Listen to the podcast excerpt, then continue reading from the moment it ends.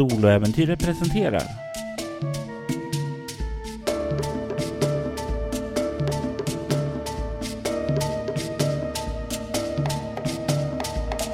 Bakom ridån avsnitt 3. Hej och välkomna till ett nytt avsnitt av Soloäventyret. Det har blivit ett nytt år och eh, med det så känns det lämpligt att titta lite tillbaka över vad som har varit och vad som kommer att vara. Det är med andra ord dags för ett nytt avsnitt av Bakom ridån och med mig idag så har jag Magnus Säter. Välkommen Magnus! Tack så mycket! Tack, tack! Eh, jag har inte samma dramatiska röst som du har, men eh, vi får väl eh, väga varandras röster emot varandra. Men du har en dramatisk röst som man kunde få höra i förra årets julkalender i alla fall. Ja, John Mallory är ju väldigt rolig att spela. Han är ju lite komplex också.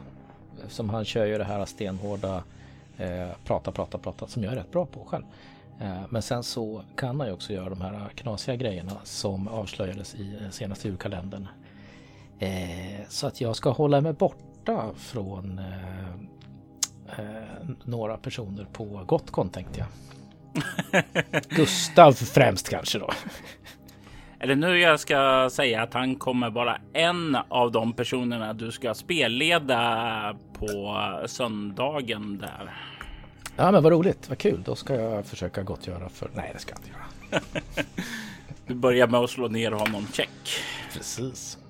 Du lyssnar ju på soloäventyret eh, mest för att du lyssnar på alla poddar som släpps i Sverige. Ja, alltså nu är det ju faktiskt så här att eh, det, det, jag får sluta säga det för att det har börjat släppas så många poddar, eh, nya poddar eh, och bra poddar och Eh, jag eh, häng, hinner inte med. Förut så körde jag ju och lyssnade på ungefär 20 poddar AP-poddar i veckan och det är väl snitt där jag orkar med så att säga. Men de här nya mm. pallar jag inte. Alltså det, det blir för mycket och jag blir förvirrad på vad som händer. Så därför var jag väldigt, eh, tyckte jag det var väldigt bra när du körde en Det här har hänt i Noahs sista drag till exempel.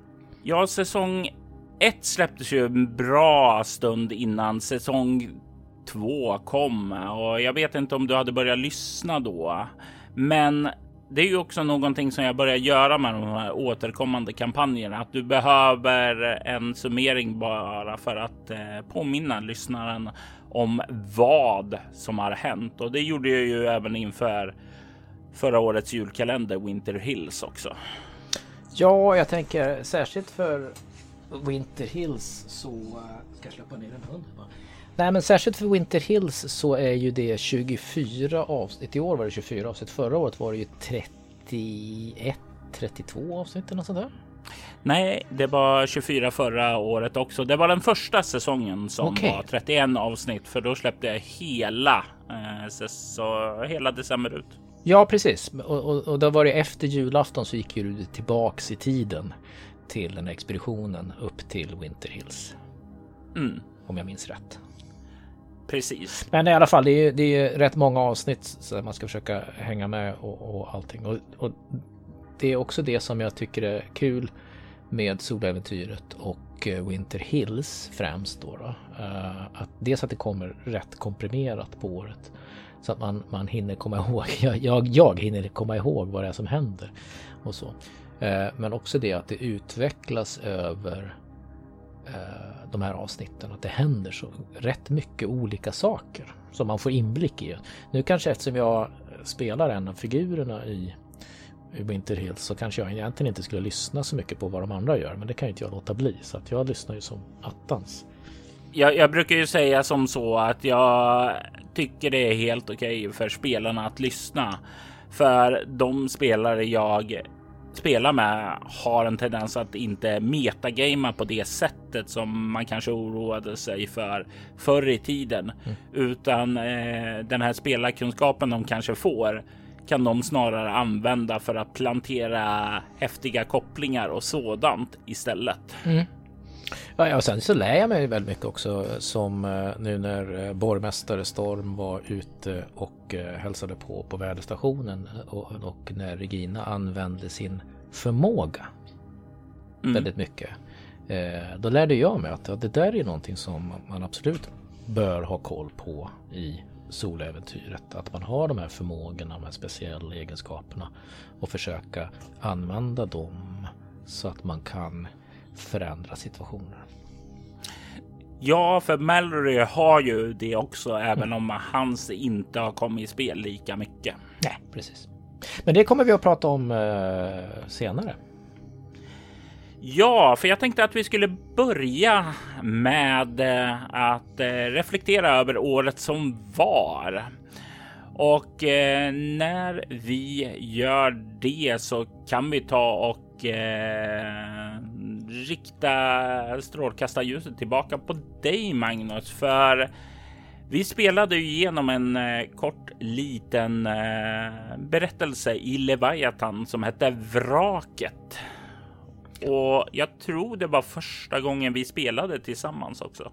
Ja, jag tror det. Uh, jag minns faktiskt inte riktigt, men jag tror att det var det. Och jag tror det spelades in ett år innan, eh, alltså under 2022 då. Eh, så det är mycket så jag lägger upp saker. Jag spelar in och sen så kommer det inte direkt. Det är väldigt sällan något kommer direkt då. Vad minns du om vraket? Eh, det jag minns var ju att det, det, dels var det ju roligt att jag spelade en, en norsk ubåtskapten som, eftersom jag är norrman i grund och botten, så var det roligt. Och sen så minns jag att det var rätt sena inspelningskvällar. Och mm. jag vet att det påverkade för min del i alla fall hur hela den här berättelsen slutade.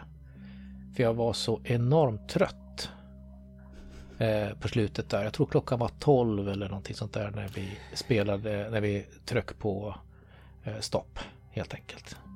Jag vet att en av inspelningstillfällen så började vi spela in vid midnatt. Ah, och det är den se senaste inspelningstiden jag haft med någon. Ja, och jag tror att jag var lite, lite övermodig där och tyckte att ja, men det där brukar funka. Jag brukar sitta på nätterna och sådär. Liksom. Men, men det är mer ansträngande för huvudet att spela in eh, poddar än vad man kan tro.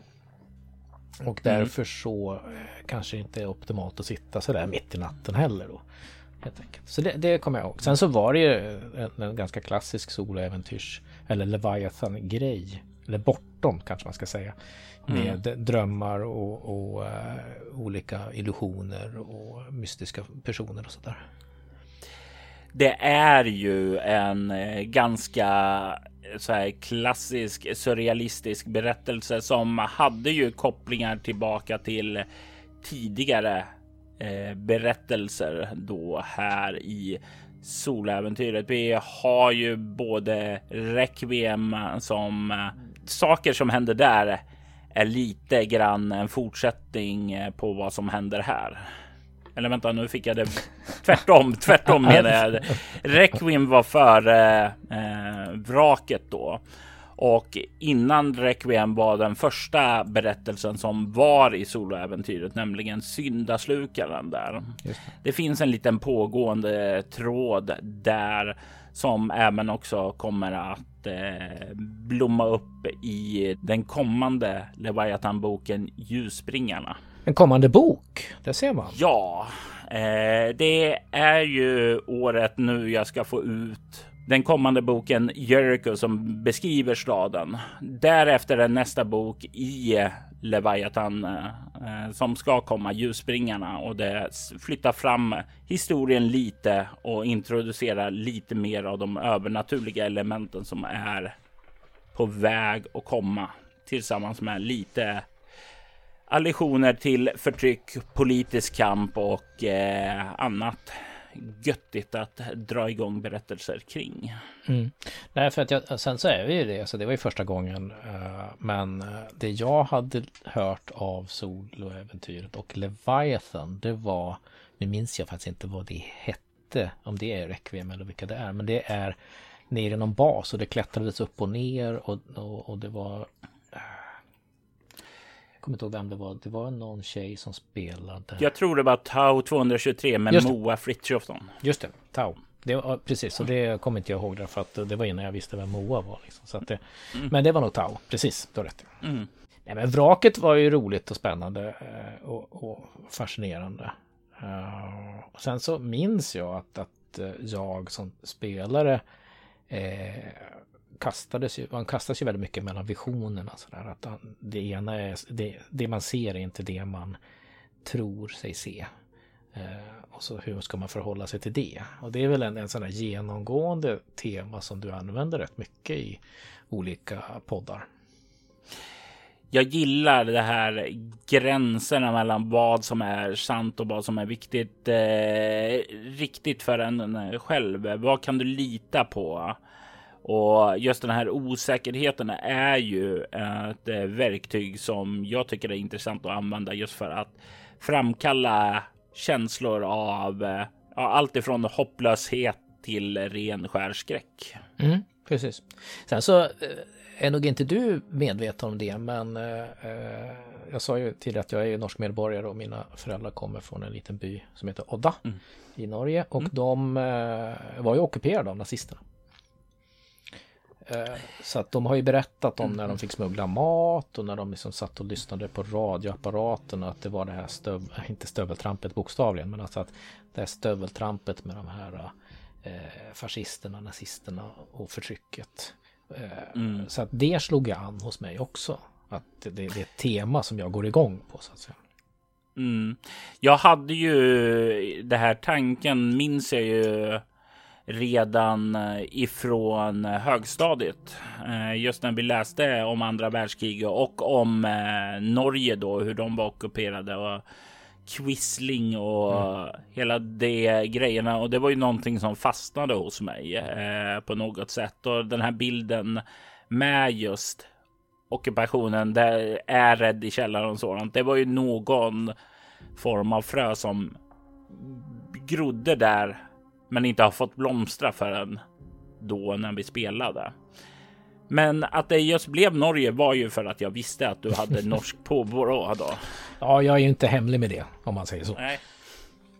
Det tycker jag man inte ska vara heller, utan nej. var stolt över det. Ja, nej, men det är en rolig grej också. Sådär. Jag är ju född och uppväxt i Sverige så att det, det är mer en, en kul grej att jag kan heja på två olika länder i olika sporter och sådär. Mm, det är ju faktiskt. mm, sa du eh, och tänkte ja det där kan jag strunta i. Magnus vet att jag är ingen stor fan av sportboll och annat sådant där. Men jag kan glädjas åt andras glädje. Mm. Och det är ju eh, det viktigaste med, med rollspel och med att lyssna på poddar och lyssna på andra människors erfarenheter och, och se vad andra gör. Att, som du säger, att man kan glädja sig åt andra människors glädje. Och eh, när, man, när jag lyssnar på andra poddar så är det ju som roligast när, när alla blir väldigt engagerade och det hörs att man har roligt. Då är det som roligast att lyssna också. Det är ju någonting som jag eh, lever efter att eh, när du blir passionerad kring något och när du är engagerad. Den glöden du har då, den lyser igenom i vad som lyssnaren kommer att få höra. Mm. Och när du får det, då vet man ofta att det här kommer bli bra. Så att, och det, och det nu var ju, eh, vraket var ju bara, eh, inom citationstecken, ett par inspelningstillfällen. Jag tror det var tre, två eller tre. Två, eller tre. Eh, så det är ju verkligen en av de kortare grejerna eh, som du har gjort under året, eller släppt under året också. Mm. Eh, jag brukar ju försöka ha någon så här one shot där, någon lite kortare grej också och inte bara de här långa kampanjerna som jag är. Ja, det är väl kanske det som jag är mest känd för. Långt och sadistiskt eh, är väl mottot då. Eh, bara för att det är någonting som man kan klippa rätt fort, släppa medans eh, saker och ting eh, håller på och arbetar i bakgrunden. Just det. Sen, sen, så slår det mig nu också det att, att Truls, nu vet inte jag hur mycket du tänkte kring det, men, men Truls eh, det finns ju några saker som, som går igen i de olika, vad ska man säga, de olika eh, äventyren jag spelar med dig. Eh, och jag, jag, tänker mig att eh, även om inte det är soloäventyret så är ju till exempel när jag spelar med Robert Q. Eh, I Urmakaren eh, som eh, hörs i min andra podd Altors vidder. Precis, och det är så här små roliga episodiska eh, galenskaper. Så handlar det om vänskap och, och att man, man offrar sig för sina vänner. Mallory, han är ju Winter Hills för sin familj, för att hitta familjen. Truls mm eh, gör ju allt han gör för sin besättning som är hans familj. Eh, och det är, väl, det är väl egentligen någonting som du eh, omedvetet eller medvetet, det vet fasen, men och det är ju väldigt mycket så för mig som person. Att det är också sånt som jag går igång på. Att man ställer upp för varandra, man offrar sig för varandra. Man, man, eh, är man en familj, oavsett om man är en familj i den traditionella meningen eller om man är vad som kallas för, vad man säger på svenska vet jag inte, men en found family.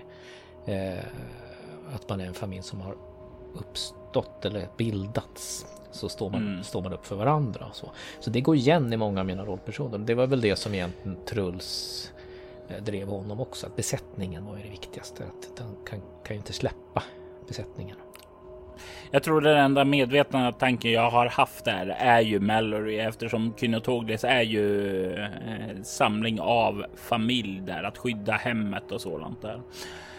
Men det andra är nog väldigt mycket Magnus som har tagit trådar eller eh, frön där och sen odlat ut dem åt det hållet. Eh, för jag kan ju inte säga definitivt att Mo var tänkt som det från början. Nej, och det var ju mycket Robert, eh, Robert Q. Förlåt Robert om du hör det här. Jag kan aldrig uttala ditt efternamn. Men vi säger Q i alla fall. Då. Som han kallas Q det var nog hans, det var mycket han som, som drog fram det ur Mo. Sen har ju det blivit en sån krok som gjorde att vi fortsatte på den one-shotten som egentligen var ett gott kon. Eh, så fortsatte på den. Och apropå fortsätta på saker. Det var ju vad vi gjorde här näst i soloäventyret, nämligen Noahs sista drag. Och som du var inne på så hade vi ju då en eh, summering där innan eftersom det var så lång tid mellan säsong 1 och 2. Ja, precis. Så jag hade ju inte hört säsong 1 då. då. Eh, så att jag behövde mm. verkligen det här med eh, sammanfattning. För det är ju rätt mycket som händer också i den. Det är det och trots att eh, det endast är tio avsnitt då så är det väl rätt mycket som hinner krävas in där. Och Noahs sista drag är ju en, det, ja, det är faktiskt den första kampanjen som jag skrev till eh, Bortom eller det som till och med var bortom innan det var bortom, nämligen In the Dark. Det var en kampanj som eh, hette då Legacy of Legion för att jag gillade att ha engelska titlar på den tiden. Då. Gör jag ju för sig fortfarande, men jag använder det mindre sällan. Eh, men det var ju ja, lite grann genom den som jag upptäckte vad Bortoms värld var och byggde ut den. Allt eftersom jag skrev äventyren. Och nu i säsong två så var det ju om säsong ett var här är en rollperson som blir introducerad till organisationen Fate och ska börja jobba för dem så var säsong två här. Nu har du börjat arbeta för dem och nu är ditt första fall här. Just det. Och Gustav Rutgård som tog eh, huvudrollen som eh, den eh, goda Fate-agenten Greg Barton där har ju fullt upp med att lära sig hur det här arbetet fungerar samtidigt som han har eh, väldigt, väldigt eh, hur ska man säga, ett eh, struligt eh, hemmaliv också. ja, det, det var ju, det var det struligt. Så Moa var det väl, gör väl en insats som eh, hans eh, hustru. Och det var ju en av de scenerna som jag genuint känner har berört mig mest, kanske genom alla soläventyr. Just det här scenen där eh, Greg då är svartsjuk för att hon arbetar på en BDSM-klubb och det hon har inte berättat något om det. Han tänker massa saker om det och de hamnar i ett gräl mitt i natten då hon kommer hem. Mm. Och eh, det, det var en väldigt, väldigt stark scen så när jag och Gustav spelade den. Men Moas dubb uppe på det, det gjorde det verkligen mer hjärtskärande. Ja, jag tyckte den var jobbig att lyssna på. Och, jag är ju sådär. Äh, jag har ju svårt för uh, de mest uh, diskbänksrealism.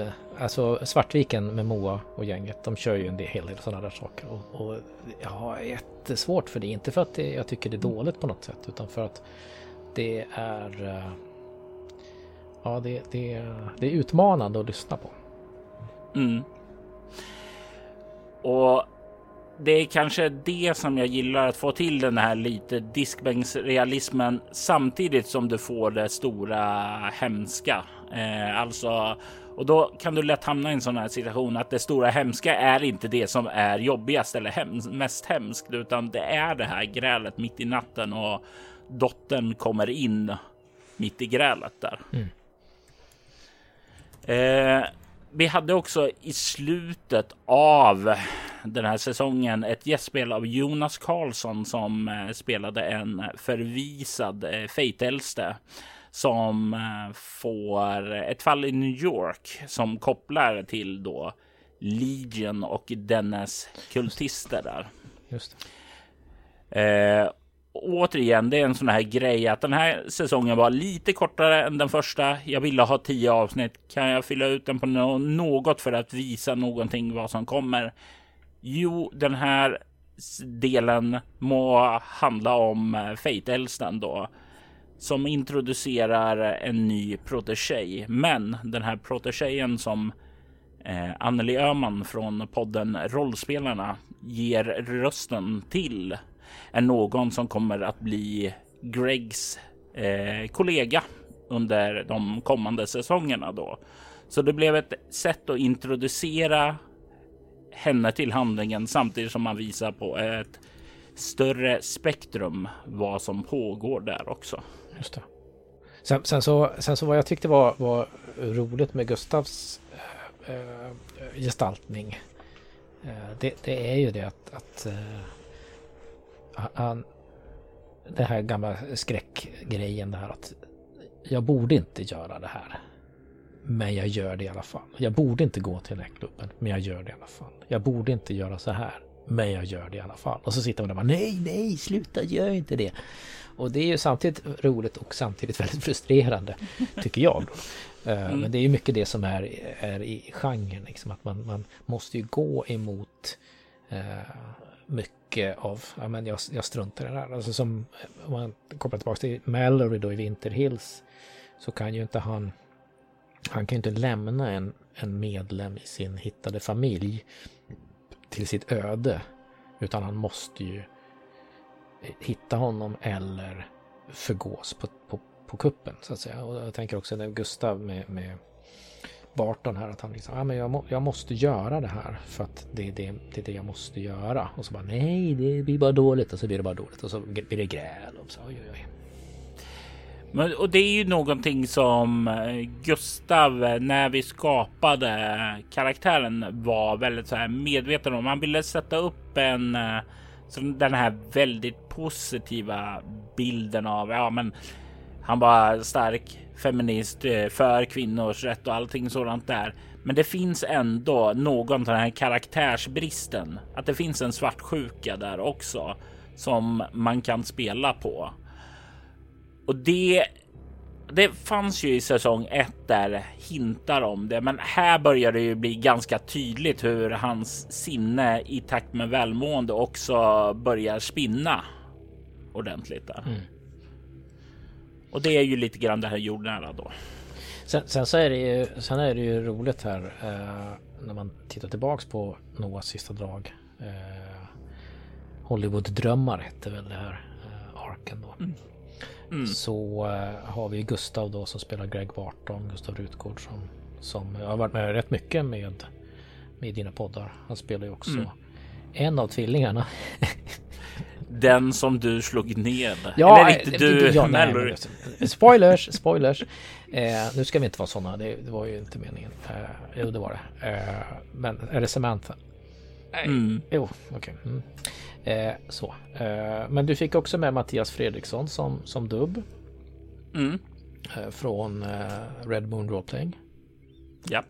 Eh, du fick med Moa då från Svartviken plus hon dyker väl upp lite överallt också men hon dub- dubbar ju till dig också. Eh, och så fick du ju med Emily Drotz från Rollspelarna Mm. eh, som, eh, som jag tycker är en av de roligare av de nya eh, poddarna som har kommit. Och sen hade du eh, Axel Widén också Mm. från Vi spelar rollspel. Eh, Så att det är ju ett ganska stjärn, eh, stjärngalleri där bland dubbarna. Mm. Hur får du med alla? Jag frågar dem. Eh, jag skulle behöva en röst som eh, är den här till den här. Eh, skulle du vara intresserad av att göra den? Eh, och jag vet inte att det är att de känner att eh, de litar på vad det är för typ av berättelse som jag vill göra så att de kan tänka sig det. Eller så är det bara det att de har lite tid över. Men jag tror generellt är folk eh, mer öppna för att ställa upp för samarbete om man bara frågar dem. Alltså, det, jag är inte svårflörtad om någon frågar mig om någonting där. Eh, för jag tycker det är roligt bara att sprida, sprida ordet, budskapet, kärleken, rösten. Mm. Eh, och nu ska du säga som så att eh, jag frågade ju många av de här personerna som Moa och Mattias och så vidare. Eh, långt innan de blev så upptagna att de eh, är, Okej. är nu för tiden. Då. Ja. Eh, så det, det är väl också en bra idé att tänka på. Fråga kanske inte just när folk är som mest upptagna. Nej, Fråga mig inte att eh, göra dubbarbete mitt då jag klipper podd i december. Fast du, fast du, ja precis. Det är väl kanske någonting vi kan eh, prata om Winter Hills där, din framförhållning och så. Men vad heter det? Nej men det, det är också roligt tycker jag. Alltså, eh, det, är ju, det är ju ingen betungande insats eh, tycker jag att dubba av och till för, eh, för soläventyret eller för vad du nu ber om. Sådär. Mm. Eh, och det, alltså, och det är, jag tycker mest det är roligt att få apa lite, spela lite apa framför mikrofonen och försöka få till att det låter naturligt. För det är inte alltid Mm. helt lätt sådär då. Men, men så naturligt som det bara går egentligen. Mm. Ja, nej, men så, så skulle jag nog också säga det är för mig. Bortsett från eh, de tillfällen då man är, är ute i sista ögonblick, vilket jag hatar att behöva vara. Jag ber särskilt eh, om ursäkt till Anneli och Anneli eh, som ju fick göra dubb väldigt, väldigt sent i eh, förra årets julkalender Winter Hills eftersom jag hade missat att de var med i ett avsnitt. Eh, och jag klippte det rätt sent när vi Mm. började närma oss det.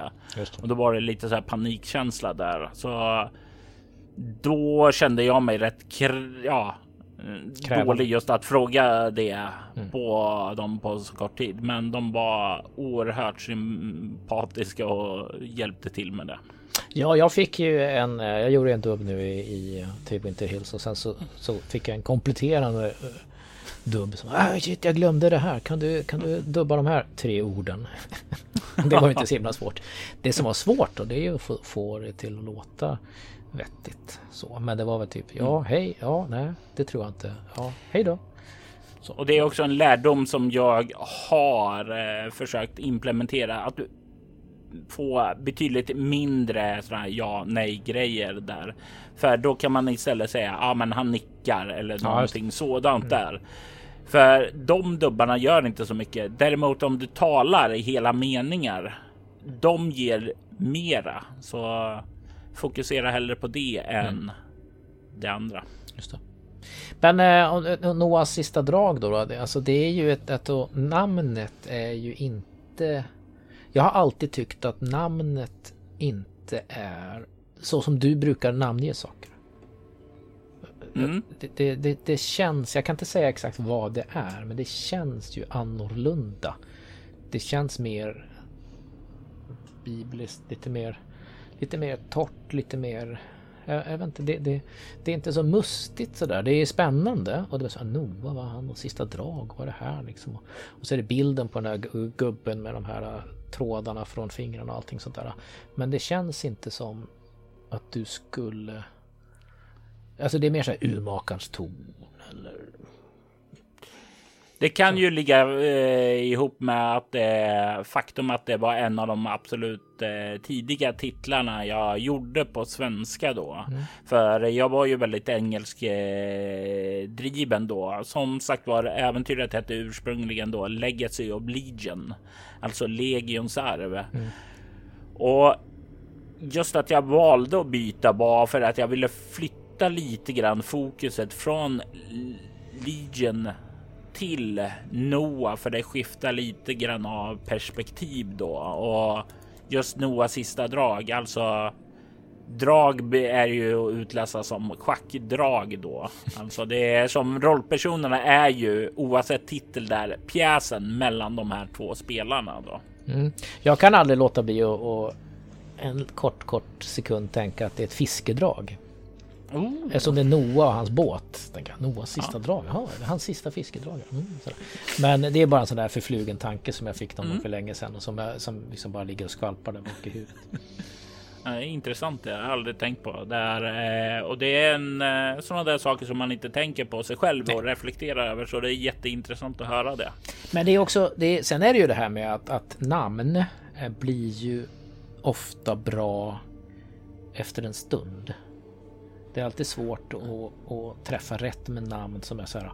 Oj, det där låter ju fantastiskt bra. Men eftersom du har hållit på så länge med, med gjort den här, det är två säsonger med, med Noahs sista drag och sådär. Så, så, bör, så sätter det sig. Och, och då får mm. man ju så mycket annat med i namnet än när man börjar. Och det, det är som ett vitt ark. Då vet man liksom vad det här handla om. Men när man har två säsonger och brinnande kyrkor och gud vet allt sådär. Liksom, då, då finns det ju mer att ta av när man ska ladda namnet. Så. Mm. Så är det ju också. Och det, jag ska ju säga som så att jag tycker det är jättesvårt att komma på namn. Jag blir aldrig nöjd med mina egna namn. Det är väldigt få tillfällen som jag blir det. Kanske efter ett tag då, eh, då det, det, har målats in som du säger det då. Men eh, det är alltid någonting som jag kämpar med tycker jag. Ja, alltså det är ju, vad heter det, de namnen på de äventyr som, som jag har skrivit som, som folk ändå kommer ihåg och känner till. De är ju rätt banala oftast. Liksom Vinterskogens hemlighet. Ja, den är ju superenkel. Det är som, det är som äventyr heter det. Eh, det höga tornet. Det höga tornet, precis. Det är visserligen, det hade jag lagt lite mer tanke bakom och det är ju en hommage till titeln, en hommage, inte äventyret, till mannen i det höga tornet. Mm. Eh, boken där. Eh, och eh, sen Hårda bud, så, ja, vad betyder det egentligen? Och vad betyder Det sista hoppet, Själarnas galleri? Så, så det, är så, det är så lite klyschiga titlar, men de sätter sig eftersom äventyren spelas och sen kommer folk ihåg vad de handlar om och så blir det så sätter sig namnen lite extra. Fast jag får ju säga att jag tycker Själarnas galleri är ju det är ju suggestivt så mm, att jag förstår. Tack. Det gillar jag. Ja, nej, men det är kul. Sen så var ju det en väldigt, det var ju en stulen idé från Call of Cthulhu Masks of Nyarlathotep. Eh, att en, en, en, målare kan måla folks själar sådär. Det fanns ju med i något äventyr där. Du vet ju vad de säger. Eh, plagiarism är the sincerest form of flattery. Eh. Ja, jag vet inte. Men eh, är du nöjd med, med säsong två av Noahs sista dag då? Ja, det är jag. Eh, trots att eh, just Jonas Karlsson delen var det ju att vi har spelat in den eh, arken två gånger för Aha. jag förlorade eh, de första avsnitten där eh, i eh, en ja, någon form av backup situation där. Mm. Jag vet inte när jag förlorade, men det måste ha skett när jag flyttade avsnitt mellan min inspelning och in till backup mm. grej då, för jag hittar inte dem och eh, fick spela om den. Det blev lite annorlunda än tanke. Inga stora skillnader, bara lite grann hur vi tacklade situationer och sådant där. Och jag känner nog kanske att de förlorade inspelningarna var strået vassare. Mm. Inte för att de, eh, det vi fick höra var dåligt då, men eh, jag, jag är bara missnöjd med att det inte blev exakt samma. Ja. Vilket lyssnarna inte har något lidande över. Nej, precis. Det är ingenting som vi känner till och så. Eh, däremot så är ju det en sån där sak som är eh, rolig tycker jag då att, att, få veta som lyssnare sen i efterhand. Eh, alltså att det finns ju en hel del magi som pågår eh, bakom kulisserna på, på många av de bästa poddarna. Eh, att det, det, är inte bara att sätta sig kring ett bord och spela eller uppe på Discord som vi gör. Då. Eh, och sen är det bra. Utan att det sker ju en hel del saker. Eh, med, man klipper och man tar bort och man tar om. Och lite sådana saker. Men som du säger då att, att det är alltid knepigare att spela om samma situation för att uppnå ungefär samma sak. För att det finns en viss eh, det finns en nerv i att spela någonting första gången. När man inte riktigt mm. vet vad som ska hända. Och så säger man, ah shit, vi tappade filerna, vi måste spela om det här igen och det ska vara samma sak. Ja, men då vet jag vad som ska hända. Då kan det vara svårare att uppbåda eh, den entusiasmen eller, eller den energin. Eh, det är inte lika spännande helt enkelt. Jag kan ju säga som så, ge en liten insikt i vi spelar rollspel då. För jag var ju där och gästade dem och spelade ett äventyr som hette Det illyriska blodet. Och vi spelade in det, allt var bra och sedan så får jag ett eh, PM från, jag tror det var Axel som sa, um, den sista timmen blev inte inspelad. Den är borta. Uh. Och då sa jag så här, ja men fine, jag kommer ner och spelar in den igen för jag skulle ändå ner där. Och då gjorde vi som så att vi tog det i en helt annan riktning då eftersom det lyriska blodet är lite av ett öppet landskap. Ah, och då hade okay. vi kvar både kakan och åten. Ja okej, okay, men det är ju spännande. Det är ju roligt. Sådär. Nej, för jag kommer ihåg en av de största poddinsatserna eh, jag gjorde i år. Det var ju inte för soloäventyret men det var för Altors vidder när jag lutar mig framåt och säger Ska den där sladden hänga löst på mixerbordet? Och sen skulle den ju inte det utan då insåg vi att hade vi börjat då så hade vi inte spelat in någonting överhuvudtaget. Jag är så glad att du såg det där. Ja, det var ju lite andra saker som, eh, som, eh, som var knas där också faktiskt. Nej, det var inte sladden, det var SD-kortet. Det var mini-SD-kortet. Mm. Ska det sitta snett sådär? Nej, det ska det inte. Oh, konstigt. Ja. Mycket kan gå fel. Som alltid när jag exporterar mina filer och får med det här och som ligger ovanpå av någon outgrundlig anledning eh, när jag exporterar. Mm. Yes. Nästa kampanj vi spelade var ett spel som du faktiskt skrev material till när det kom det. För jag och Mia Gibson eh, höll på att spela MUTANT och då menar vi inte gamla MUTANT eller Fria Ligans MUTANT eller ja, undergångens arvtagare, utan vi har börjat på en berättelse som sträcker sig över eh, nya MUTANT, det vill säga MUTANT 2089, den svarta lådan, Cyberpunks MUTANT eller vad man nu vill kalla det, till MUTANT rymd till Mutant Chronicles då. Och det tyckte jag var superroligt verkligen eh, när, när eh, rymdstationen där. Dels så tycker jag, och nu pågår ju lite omröstningar eh, om saker och ting på Vi lyssnar på rollspel på Facebook sådär. Men eh, jag kommer ju att eh, lägga min röst för bästa spelare i år på Mia Gibson. Eh, för att jag, dels för det hon gjorde i MUTANT Nova men också för att hon gör så mycket annat bra tillsammans med dig också. Eh, så att jag, de, jag uppskattar verkligen eh, MUTANT Nova eh, väldigt, väldigt mycket. Och just det där med att du tar avstamp i rymdstationen och sen ner och sen fram. Alltså det, det är så, ja, det är spännande. Det här är ju lite min sätt att tackla berättelser och nya rollspel. Att jag får en idé som sträcker sig över så här galet långt perspektiv där. eh, för det tar ju avstånd innan nya MUTANT då startar ja. då. Eh, och sedan så har vi ju då planer till eh, Mutant Chron Chronicles då som utspelar sig, vad är det, 2700? Så det är ju typ eh, ja, 600 år vi ska klara av av spelande då. Så det är en ganska stor grej då. Nej, men jag tänkte, jag tänkte precis säga att det är ju det är ett, ett, ett stort omtag, men där tyckte jag du var väldigt effektiv i berättandet. Att det gick ett par tre avsnitt där man tänkte, jaha, okej, vad är det här? Och det är rymdstationen och sen så artefakten. Och det första jag tänkte då var, ja men okej, då är det den mörka kraften som kommer. Uh, och det här kanske är första steget in. Och sen var det lite konstigt, så var det lite så här uh, Mutant Rymd Chronicles känsla i det.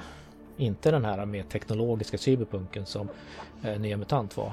Eh, mm. Och sen pang så kraschar Eh, vi har sagt spoilers Ja! Eller, ja. Om ni lyssnar på det här så går vi ju igenom vad som har handlat så eh, då får ni skylla er själva där. Så kör på spoiler Magnus. Nej men att, att uh, jag tyckte det var roligt när alltså, alltså plötsligt, jaha nu kraschade hela rymdstationen. Okej okay, vad hände då, då? Vad spännande. Och sen så den här tillbakablicken till Begravd som var det första som jag hörde med Mia. Mm. Och jag tror att det var det första du spelade in med Mia också. Det var några år sedan. Ja, och det var hennes första AP-podd då, mm. inspelning då. Hon hade varit med i ett snackavsnitt i Mind innan då. Ja. Och, och, det är också en sån sak som är roligt, jätteroligt att höra att eh, Mia då och Mia nu är ju två väldigt olika jag ska inte säga att de är olika personer, för är de inte. Men eh, det finns en, en, en, mycket större trygghet och självsäkerhet hos Mia som spelare eh, än det fanns då.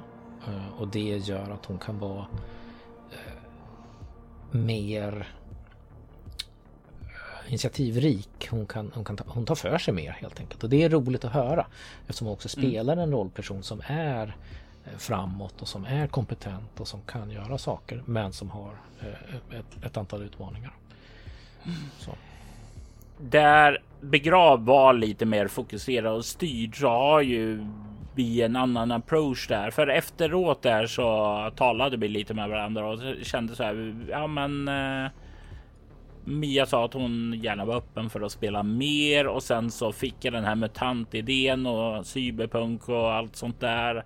Så jag frågade henne då för eh, själva Nova baseras ju på en eh, gammalt eh, foto som hon eh, gjorde. Den som vi också har använt i avsnitts promotion grejen då. Och då kändes det naturligt att fråga Mia om hon ville spela den här karaktären. Mm. Och eh, jag gav ungefär, ja men du, det, vi börjar med en heist, du är kompetent. Det här är lite grann personligheten och sådant där. Men jag lämnar bakgrund och tankar och så upp till dig. Och efter den här heisten är klar så kommer du hamna i en ny situation och därifrån eh, vet jag inte mer vad det kommer att handla om. Utan eh, du kommer kunna röra dig fritt i världen. Eh, jag kommer ge alternativ för dig att röra dig till. Men det är upp till dig att besluta var du ska vara så preppar jag efter att du har valt. Mm. Telefonförsäljare valde du. ja, precis. En eh, podd eh, om ekonomi och vardagslivet i, i MUTANT 2089 värld. Ja, precis. Ja, det roligt. Nej, men så jag gillar, jag tyckte det var, jag tycker det är roligt. Och sen så eftersom eh, det är ändå klassiska 2089 MUTANT är ju ändå eh, väldigt uppskattat. Eh, och eh, jag har förstått numera så också att Chronicles också var eh, uppskattat och rymd är väl var väl för kortlivat för att det skulle sätta en sån stor sorts mm. avtryck. Eh, så det ska, det ska bli roligt liksom hur det bryggar över de här olika sakerna. Mm. mm och just med det här brygga över, det var ju därför jag började på rymdstationen mm. där för att ge en liten försmak om eh, vad som komma skall. För de brukar ju säga som så att ja, jag har läst mycket filmvetenskap och studerat tv-serier och sådant där och de säger så här. Du kan inte börja en serie och ha det eh, typ en eh, hel säsong eh, om eh, ja, en polisserie och sen i sista avsnittet bara Jo, by the way, det finns aliens på jorden också. eh, så jag ville ha den här planteringen direkt i början för att visa att det här är någonting som finns här. Det är någonting som är relevant här. Och sedan kommer vi till nya MUTANT och där vill jag visa upp dels zonen och lite den här mer Mad Max känslan då.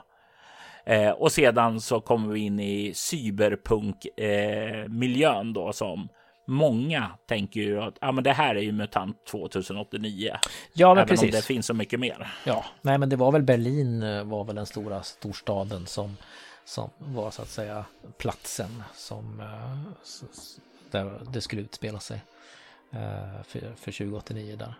Jag tycker att ni har fått till det tycker jag också. Och sen just det där, jag tycker ni fick till... Alltså det finns ju en viss Blade Runner känsla i den här beskrivningen om mm. de kommer till sitt rum och sitter och tittar ut och det är hon är ensam och jag måste skaffa ett jobb och jag måste göra det här, det här, det här. Och det är inte, det är inte bara action och, och skjuta och kuta och sådär utan det, det finns en hel del. Och sen den här med, med översittaren och eh, de går till den här baren och det börjar nystas i det. Eh, och det är väl där också som man börjar få reda på det här med att hon har ju dels den här stackars, vad hon heter, eh, som hon tar jobbet ifrån. Ja, i alla fall. Eh, hon som är väldigt lik eh, Nova. Och eh, där man börjar förstå sen då att ja, det finns nog några till som är rätt lik Nova helt enkelt. Och då börjar man lista ut och då blir det här replikantstuket eh, och tankarna också. Som jag tycker är spännande. Why? Just det, why, precis så. Vem är why? Just det. Och så är det roligt också att, att blir Mia arg på henne. bara du kan ta ditt jävla jobb, fan. Och så bara, ja men det är du som har tagit hennes jobb. Ja, det var kul tycker jag. Och återigen, där kommer det tillbaka till min där eh, perspektiv av att eh, leka med eh, drömmar och surrealism. Därför avsnittet startar ju med att hon vaknar upp utan att veta. Mia visste ju inte vad vi skulle göra där, utan hon är ju lika förvirrad som eh, Nova mm. är då när hon vaknar upp. Vad fan är det som pågår här och vem är du och allt det där? Det. Eh, och eh, det, det är ju någonting som jag gillar att eh, man börjar lite grann in medias mm. eh, och får försöka ta reda på vad fan är det som pågår där.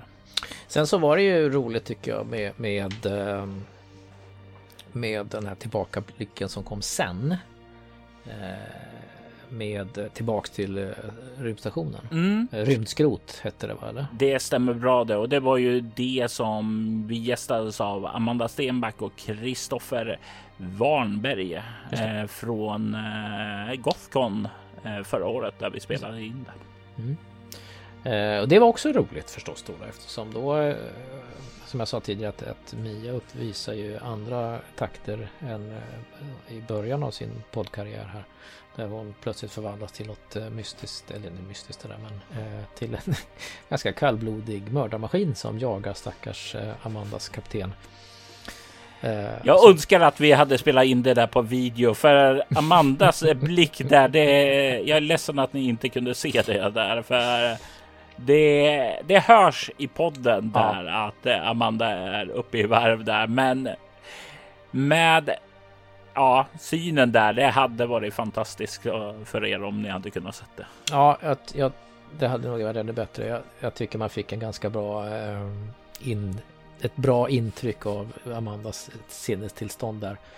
Och sen, sen just det där med att eh, åh nej men nu ska du bara slå ett pilotslag för att eh, docka loss och åka härifrån. Och så fumlar hon.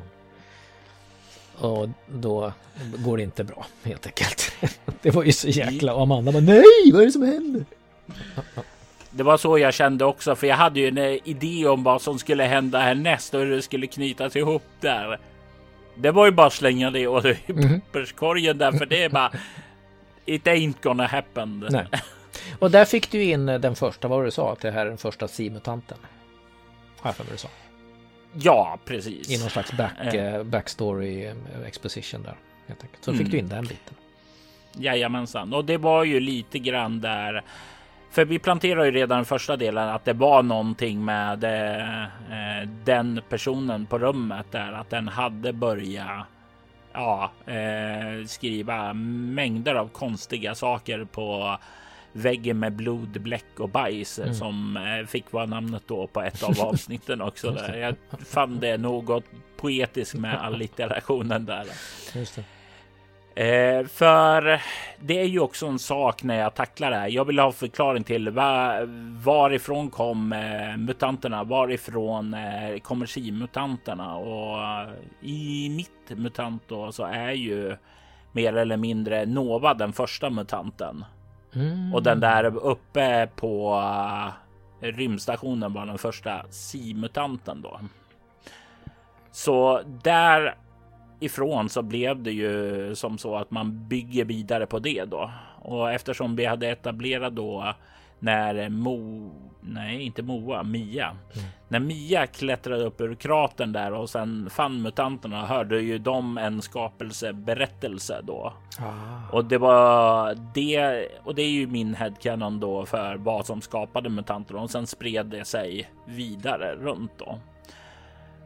Och eh, hur psimutanterna sprider sig kommer eh, avslöja sig senare. Det är säsonger av Mutant Nova också. Då. Ja, det där är ju komiskt på sätt och vis. Det är fantastiskt, men det är också komiskt att, att eh, där många pratar om att ja, det avslöjas i nästa avsnitt eller i de kommande avsnitten. Så säger du ja, det kommer i kommande säsonger av en podd som du kör. Och då vet vi att du kör, hur många kör du egentligen? Fyra, fem parallella eller vad är det? Vi kommer lite det, men jag... Planen är nu att minska ner det till två, så jag har soloäventyret och eh, Altors vidder. Och sedan alla de här saker annars, det kör jag, ja som Mutant Nova kör jag ju nu redan i soloäventyret. Mm, och eh, Valerie Chronicles kommer jag att köra i soloäventyret också, bara för att det blir lättare för mig att hålla igång en feed istället för 45. Ja, jo men precis, exakt. För jag, det kommer vi till snart också, men jag hänger inte med i alla de feedsen, utan det är ju de här eh, som vi pratar om nu som jag har lyssnat på. Men mm. och, och där ska jag säga det att jag tycker att eh, jag vet inte hur du tänker kring det, men jag tycker att eh, Altors vidder och Nova är ju det, det, som jag får mest ut av. Av de mm. eh, poddar som du gör. Uh, och det är inte så himla mycket för att jag spelade jättemycket Drakar och Demoner och, och uh, MUTANT. Jag skrev ju till Drakar, jag skrev till MUTANT. Men, men det var inte så att jag spelade sjukt mycket av de spelen. Uh, men det, det är ändå... Det finns någon slags anslag där som, som är så, ah, men vad, vad kul. Särskilt också i Staltors vidder där så, ah, vi spelar igenom alla äventyr. Och det är kul. Återigen. Återigen det här med eh, framförhållning och sådant. Ja, precis. Galenskap som en del kallar det.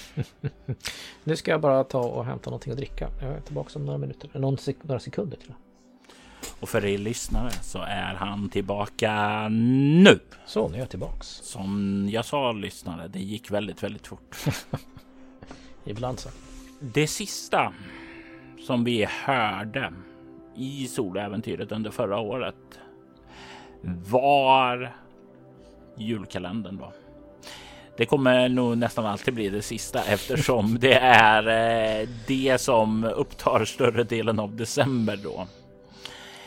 Winter Hills tredje säsong innebär att vi nu har klarat av en fjärdedel av den tilltänkta arken. Det är 12 säsonger som jag har planerat spritt över tre volymer eh, och den första nu är ju urkrafterna. Den andra som kommer är det röda paradiset som ni säkerligen har hört en del om också. Och slutligen så kommer tystnaden då. Och det är ju en ganska storslagen berättelse som vi har här och det är ju ett av de skälen till att jag känner det livsviktigt att göra de här.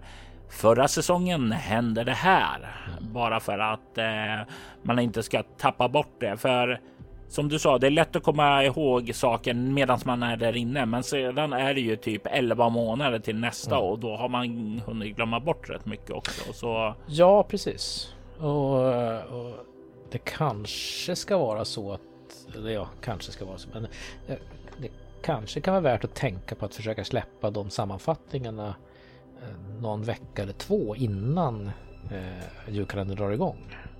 Så att man får liksom smälta allting också.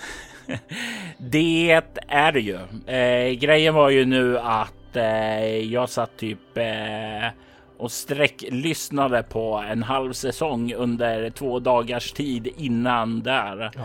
Det skulle släppas och sen klippte jag det och jag klippte i all hast.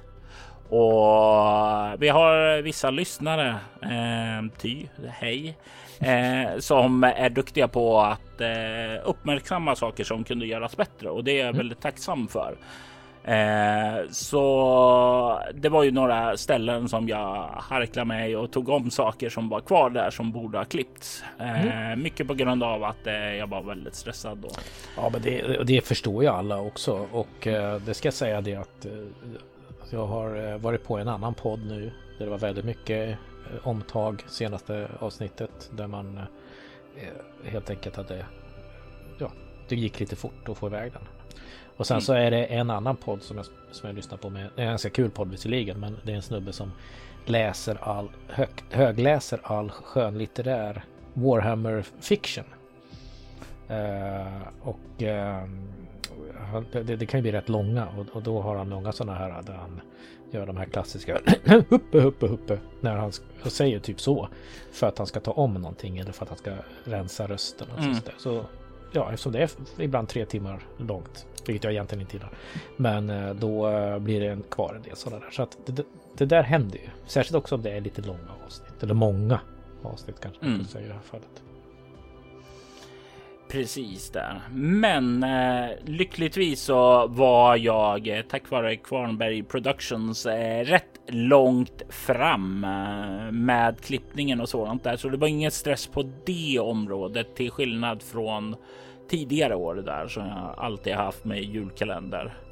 Jag kommer ihåg så... att jag var lite sen med min dubb. Eh, du var på mig några gånger men du är ju så himla artig med det där. Ja, hur går det med dubben? Ja, jag tar dem några dagar. Ja, okej, vad bra. Och sen gick det sådär liksom. Du skulle kunna pressa på lite mer sådär för att jag låg ju rätt, rätt tajt till insåg jag när jag hade skickat bara. Oj då, det var några dagar bara. Check. Eh då vet jag hur jag ska tackla dig nästa gång Magnus. Nu ja, vill jag ha den här innan en timme. Ja precis, exakt. Jo, men det, det, det är så. Säsong tre var ju egentligen då den första tillfället då jag börjar eh, ja, få insikt om att det här ska vara en julkalender egentligen. Eller tekniskt sett var det ju som så att jag började spela in med Maria och Gustav som spelar Tvillingarna Chans där. Och eh, vi spelade på utan tanke om hur eh, långa allting skulle vara då.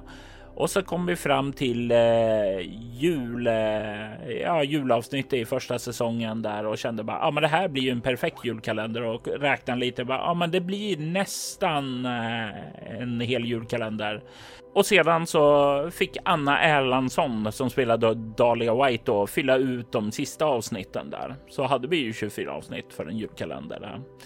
Sedan fortsätter ju bara att fylla på med avsnitt och spelade med eh, Gustav och Maria då. Och sedan så drog jag in Regina för att spela borgmästaren och jag drog in dig här lite mer. Alltså, jag började dra in folk och bara spelar in för jag, jag har koll på ungefär vilka trådar ni är, hur ni kan intersekta med varandra och sådant där om ni gör det och så. Och sedan under arbetet med säsong två då så blev det så bara okej, okay, jag, jag, behöver kanske börja nu och planera hur många avsnitt ska det vara var och sortera allt eh, ner det för först var det ju inte tänkt att det skulle vara en julkalender av eh, ja, eh, så, att säsong två skulle bli en julkalender då för eh, när jag började kolla på anteckningarna. Bara, ja, men jag släpper dem alla här och sen börjar jag kolla. Ja, men det här är 52 avsnitt här jag kanske behöver dela dem i fler säsonger då. Mm. Och jag kanske behöver lära mig att strukturera bättre än vad jag gjort och faktiskt hålla koll på hur mycket avsnitt som går. Och då hade jag spelat in merparten av säsong tre då redan. Eh, och då var det ju här då i säsong tre som jag visste att okej, okay, jag behöver hålla 24 avsnitt eh, mm. för att det ska inte ska gå överstyr då.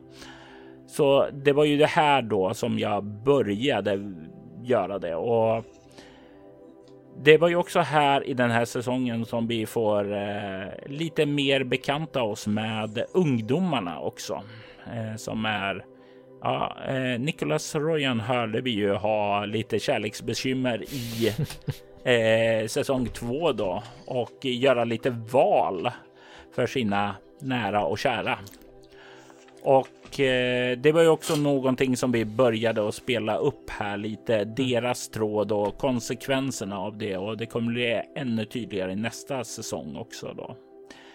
Så det blir ju nu här när man delar in de olika kapitlen. Det här är inte tvillingarna Shanks eh, avsnitt nödvändigtvis, utan det här är det här kapitlet har ett litet övergripande tema som hintas om i titlarna på kapitlen då.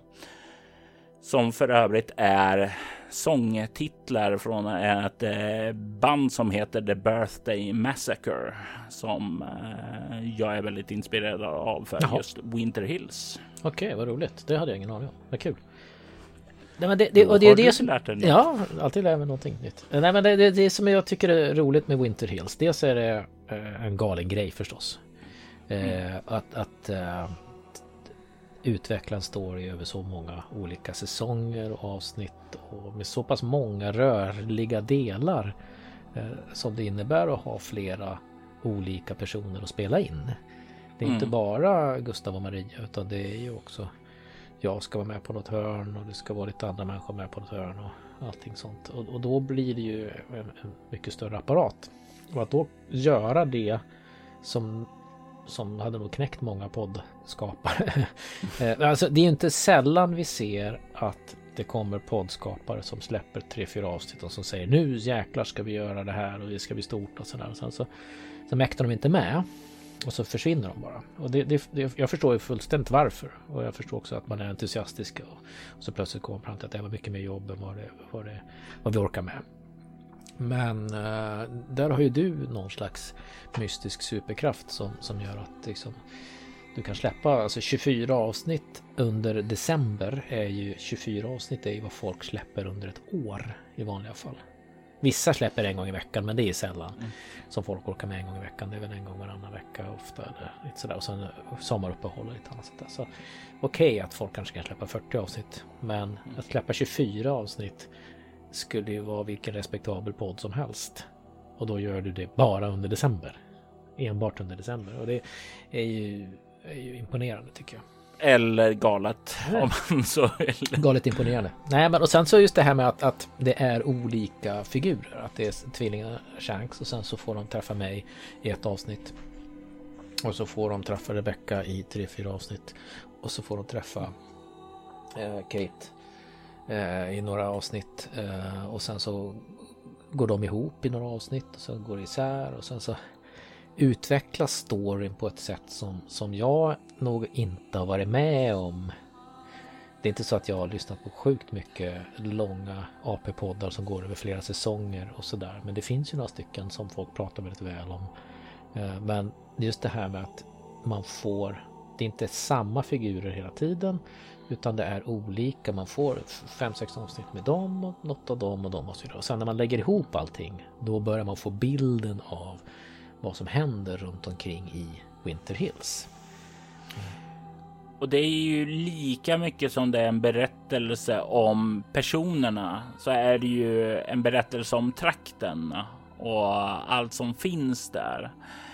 Och vill man ha en berättelse om en speciell trakt eller övergripande story så tror jag ett av de enda sätten att få det är genom att betrakta eh, plotten ur flera olika personers perspektiv eh, istället för bara en person då. Ja, men precis. Och, och det, det, är ju, eh, det blir ju också lättare för eh, mig som lyssnare att komma ihåg att ja, men först var det, eh, som vi tar förra året då, då, så var det ju först, då kom ju de tvillingarna till Winter Hills och det kommer jag kanske ihåg för att jag dubbade lite där när vi tittade på valar och grejer. Mm. Men så åkte de ut i stugan och sen så var de där och sen så hände något annat. Så körde de sina grejer och sen så var det ett, ett byte och så var det lite annat och lite annat. Det blir lättare för mig mm. att komma ihåg att ja, ja, men det var olika personer som gjorde de här olika grejerna. Eh, och det tycker jag känns det blir lite lättare. Det är som att det är nästan som att det är lite olika nya poddar hela tiden. Så där, istället för att det är samma. För det finns ju några som några som har hållit på med samma flera hundra avsnitt med samma rollpersoner och blir så, oh, gud. Uh, och, och, då ska man försöka komma ihåg allt de har gjort. Mm. Sen finns det ju de som, som byter ut rollpersoner som i Sweden Rolls där de, när folk dör. rollpersoner dör, det är inte så himla ofta annars i långvariga rollspelskampanjer. Så där. Men Andreas, han tar ju livet av sina rollpersoner om de gör några dumma grejer helt enkelt. Och då blir det lite nytt och lite spännande igen. Det är är ju som du säger, det, det, blir ju lättare att ha olika minnesmarkörer om inte allt är samma. Alltså när du byter ut karaktärer och sådant där får du ett nytt eh, hänge att hänga upp minnena på. Ja. Samtidigt som du också får en tempoväxling där. Mm. Eh, och sådana är ju eh, väldigt, väldigt nödvändiga att ha i en berättelse tycker jag i alla fall. Det skulle varit roligt för mig och, och, och de som lyssnar mycket. Jag vet, jag lyssnar en del. Men jag vet ju att det finns ju också, du nämnde Ty.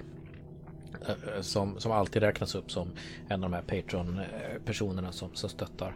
Som mm. lyssnar mycket då, då. Sen finns det ju några, eh, några till där som alltid dyker upp som är dedikerade. Så det, det, är ju, det är ju roligt. Det skulle vara roligt att höra vad de tänkte när Samantha var nedslagen och nästan dödad. Eh, och sen nästa avsnitt, pang. Ja, John Mallory, nu när du åker hem efter att ha slagit ner Samantha, vad gör du då? Liksom? Vi kan ju stanna vid den här scenen och dröja oss kvar här lite Magnus, för det var ju inte som så att du eh, sa jag vill slå ner Samantha. Utan Nej. det var jag som eh, gav dig det här. Du har slagit ner Samantha därför att. Mm. Eh, och hela den situationen kom till av att eh, Gustav och Marias karaktärer åker in till staden. Eh, Gustav ville inte göra något dramatiskt. Eh, Maria ville göra massa saker där.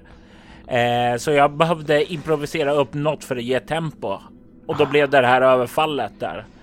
Och jag spelade in jättemånga avsnitt efter det där utan att veta vem det var som slog ner henne. Och sedan så tror jag var en bra bit in i säsong fyra som jag bara insåg. Just ja, det måste ju vara Mallory som slår ner henne. Mm. För jag har ett glapp på ett avsnitt där. Och Magnus har inte varit med någonting. Det här är ett bra ställe att dra in Magnus. Och det känns som det definitivt in karaktär att han skulle göra det om eh, Dr. Leonova eh, bad honom om ja. det. Så. Och, och, och, det är väl det är en sån här sak som, som uh, jag tänker då att du, du säger att ja, det, är precis, det är in character. Men det, är ju, det avslöjar ju någonting om Mallory som inte någon annan uh, känner till. att han, han har den här hänsynslösa sidan Eh, där han egentligen har gjort en massa tvivelaktiga saker och eh, varit väldigt våldsam. Eh, och levt på det helt enkelt. Medans eh, de som har träffat honom har väl mest eh, via podden då eh, har väl mest hört en, en snabbsnackande clown som försöker bli kompis med alla och som, som, som pratar och är glad och ler mot alla och allting sådär. Och just den här jag ska inte säga chocken för det, det kanske folk inte blir chockade men, men just den här grejen att ja det är ju Mallory och det är precis så som han är som rollperson och alla bara va? Vadå? Det, det gör väl inte han? Han är ju den trevliga killen som offrar sig för alla sina, sin familj och allting sånt där. Oh, men Eh, det innebär också att om något hotar familjen så kan, så kan han göra sådana här saker.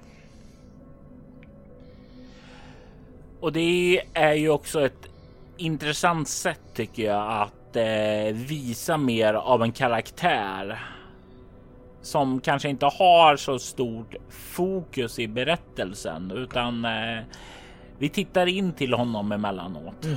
Och nu fick vi ju se definitivt en annan sida av det som vi kanske kände att vi visste om den. Mm. Och det är väl det som, som om jag, jag tar med mig från årets Winter Hills så är ju det också eh, tvillingarna Shanks utveckling från varandra. Så att de mm. som går åt varsitt håll. Uh, och uh, den här, det här avslöjandet att Samantha uh, mycket troligt är en, inte är en vroska men, men är någon slags bortbyting. Mm. Som, som alltså är en kopia som man kanske har odlat för att ha som, som reservdelsutrustning till, till uh, Samantha och Simon. Uh, och, uh, och, då plötsligt, jaha, oj då, ja, ja, okej. Okay. Och då, då får man lite andra inblickar i det här med, med Samanthas strukturerade mm så här, så här, så här och jag ska bli lag och ordning och ditten och datten och Simons kaosartade. Jag gör lite vad jag vill och tycker det är kul. Tjoho! Och, mm. och det här var ju någonting som jag visste rätt tidigt. Just det här. Det finns till och med i det första avsnittet där det här ombord på skeppet på väg till Winter Hills då med det faktum att eh, Simon har diabetes. Just det. Men det har inte Samantha. Och sedan så i senare i säsong ett så är det, eller om det är säsong två nu blir jag osäker där. Men eh, Simon har en dröm om hur föräldrarna har bara ett barn. Just det, precis. Mm. Eh, och det är sådana här planteringar som jag gillar att göra väldigt tidigt. För att jag vet att jag kan göra en payoff på det senare det är inget sånt här som jag förväntar mig folk ska ha koll på egentligen, men det kanske blir en sån här ah känsla när man kommer till avslöjandet senare då. Mm. Precis, och, och, det, och, det, är väl en, en sån här sak som jag, jag känner en stor utmaning med den här typen av eh, säsonger som är så intensiva och som är så 24 avsnitt och så vidare. Eh, eh, och det är ju det här med att det tar ju emot att lyssna om på 24 avsnitt. Mm. Eh, och så. Och det, andra kampanjer kan man säga, men fan, jag, jag lyssnar om den här.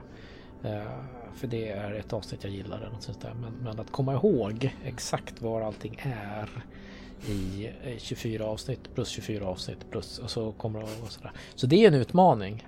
Eh, och det, det, jag, skulle, jag tycker att eh, de som lyssnar på det här de har väl troligtvis lyssnat på julkalendern och Winter Hills. Men eh, jag, jag, jag känner ju att det är ju annars värt att gå tillbaks och lyssna på det. Eh, på tidigare säsonger också. Mm. Det är skojigt. I år har jag haft sådana här som eh, inte lyssnar på soloäventyret alls utan eh, främst lyssnar då på min andra podcast Allt och Schwidder då, då. Och det har rullat på där och sen så har de kommit fram och tagit slut och, och hoppa över och testa julkalendern då och börja lyssna på den och blivit ihop på den och det tycker jag är faktiskt jätteskoj då att de eh, inte bara är fast vid nostalgin utan de måste de ju efter de går vidare där gilla berättelserna som jag typ bygger upp då. Ja, och det är väl en av de svårare grejerna det här att gå från dina andra poddar, Soläventyret och Bortom och, och lite andra sådana saker. Men Altors vidder, det vart ju en ganska stor succé, tänker jag. Uh, för att uh, du hatar ju fantasy, vet vi ju sedan förut. Eh, så att du plötsligt så gör du fantasy och så vann du vi lyssna på rollspel för bästa podd det året och sen så hittar ju folk dig via Altors vidder och så går de in och lyssnar på det här. Och jag förstår att det känns bra för något av det svåraste som finns för en podd det är att gå från att göra någonting som folk gillar till att göra någonting annat.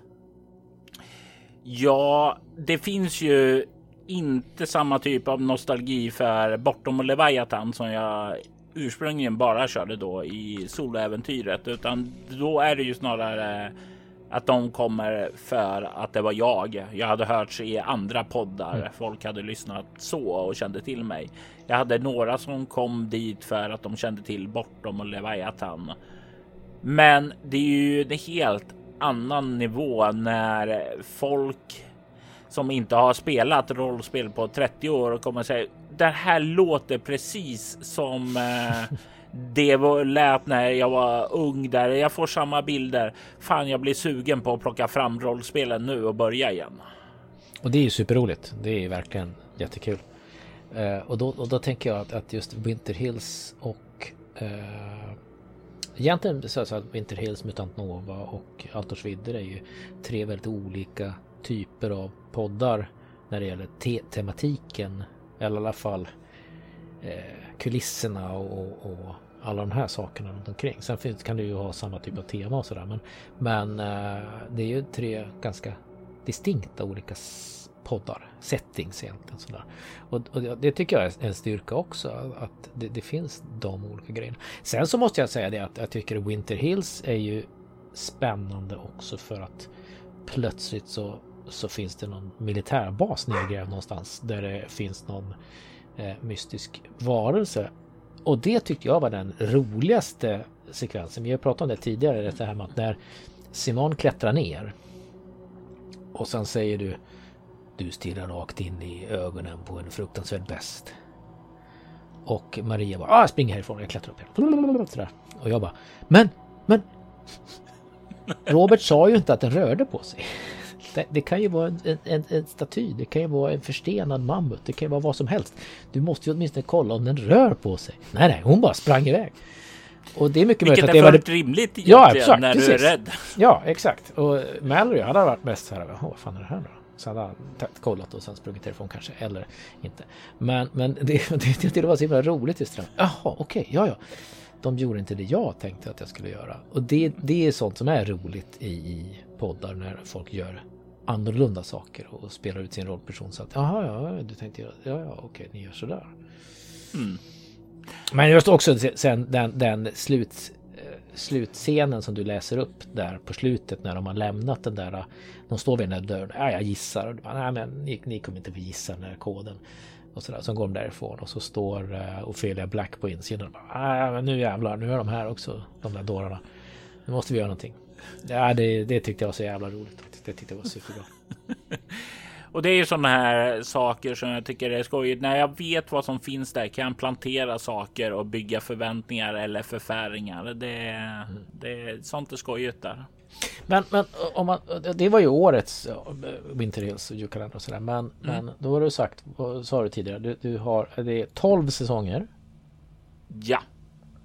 Uppdelat på tre volymer. Ja. Så det är fyra säsonger per volym? Nej. Eh, det blir väl eh, sex eller sju för volym eh, ett som är Urkrafterna. Ja, precis. Och sen blir det troligtvis två säsonger för Tystnaden. Och mm. de övriga är för Det röda paradiset. För Tystnaden, den nämndes i år va? Jajamensan, och den nämndes på första säsongen på Gilberts lappar där ah, också. Ah, just det, just det, just det. Gilberts lappar, just det. Precis. Mm. Just det. Mm. Alltid Gilberts lappar. Mm. Ja, de det är, är en sån där pl plot hook bara för att eh, eftersom det här är ett skrivet äventyr ursprungligen då som eh, då vill man ha små hookar för spelare att börja kolla utifrån eh, i miljön när de spelar. Så det är därför egentligen de finns där. Det blir planteringar för saker och att hänga upp saker och ting eh, kring då. Alltså, som, lyssnare, som lyssnare tycker jag att det är jättebra också. Därför att det, det, är så mycket lättare för mig att komma ihåg. Ja, ja, men det var ju mm. för att de skulle till de här GPS-koordinaterna eh, och, och, kolla vad som fanns där. Alltså det, det, blir lättare för mig att dela upp handlingarna i olika sektioner så att jag känner att ja, men här hänger jag med. Ja, det här var det som hände där och så. Och så. så att det är en sån här plott också. Jag, det finns ju, det finns ju en, en podd jag följer som är som spelar igenom The Enemy Within. Eh, mm. Och de är uppe i så här typ nästan 200 avsnitt och jag har fan ingen aning om vad de håller på med. Jag vet var de är i kampanjen sådär men de bara lallar omkring och ja de rollspelar ju jättemycket. Och sådär men det om man jämför dem med Red Moon Roleplaying som kör samma kampanj som är på samma ställe i kampanjen faktiskt nu på 70 mm. Som är mycket mer effektivt och jag vet vad de gör. Och jag vet att jag, det finns krokar att hänga upp det på. Samma med Gilberts lappar, liksom, det finns krokar att hänga upp saker och ting på. Ja, struktur är viktigt, mm. särskilt när man ska ha en lång narrativ då också. Ja, gud, ja. Absolut. Det är lättare att följa det säsongsvis än om det hade varit en pågående berättelse som aldrig, aldrig riktigt tog slut. Ja, nej precis exakt och det bara kände att det bara lalla på helt enkelt. Mm. Mm. Men det var det sista för 2023 och eh, det innebär att vi blickar lite framåt nu till eh, 2024 och säsong, eh, ja, eh, det här är väl börjar vi med säsong 16 då. Säsong 16 av Soloäventyret tänker du då eller hur tänker Precis du där? Precis där. Ja, eh, jag delar inte upp det efter år utan en säsong bör ha ja, i runda slängar ja, 24 till 30 avsnitt minst då. Mm. Eh, bara för att få en liten avdelning där. Det är inte som jag höll på med den här podden i 16 år, även om det vissa ögonblick känns som det. ja, när började du? 90? Nej.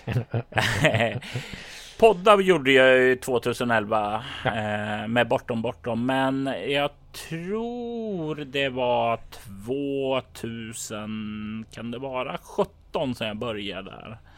Nu ska vi se. Första julkalendern solo soloslukaren höll jag på att säga. Syndaslukaren. Sedan så har vi haft eh, Bremsviks hemligheter, Woodtorch. Och sedan tre säsonger av eh, Winter Hills då. Så ja, 2017 då. Mm. Woodtorch var ju rolig, men det, det, var ju länge sedan. Men det var ju. Det var den med alltså, den galna tomten va? Jajamensan. Du hade börjat lyssna då? Då hade jag börjat lyssna. Du kom året Precis. efter. Nej, då lyssnade jag. Och det, det, det, fanns ju mycket som hände där, men vad jag kommer ihåg var att vi spelade rollspel. Eh, dök ju upp i någon bil där och det gick ju rätt dåligt för dem. ja, eh, det blir alltid kaotiskt när man involverar vi spelar rollspel. jag kan tänka mig det. Eh, men eh, i år så har vi ett par berättelser som eh, kommer att komma och sedan har vi några som eventuellt kommer då.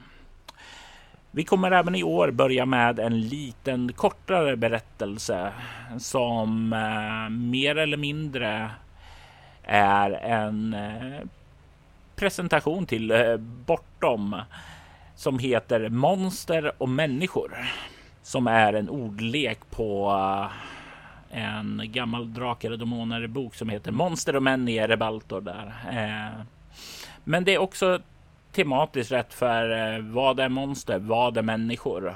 Och var går gränsen däremellan? Bortom är en eh, skräckrollspel som ni säkert har lyssnat ut, kära lyssnare där.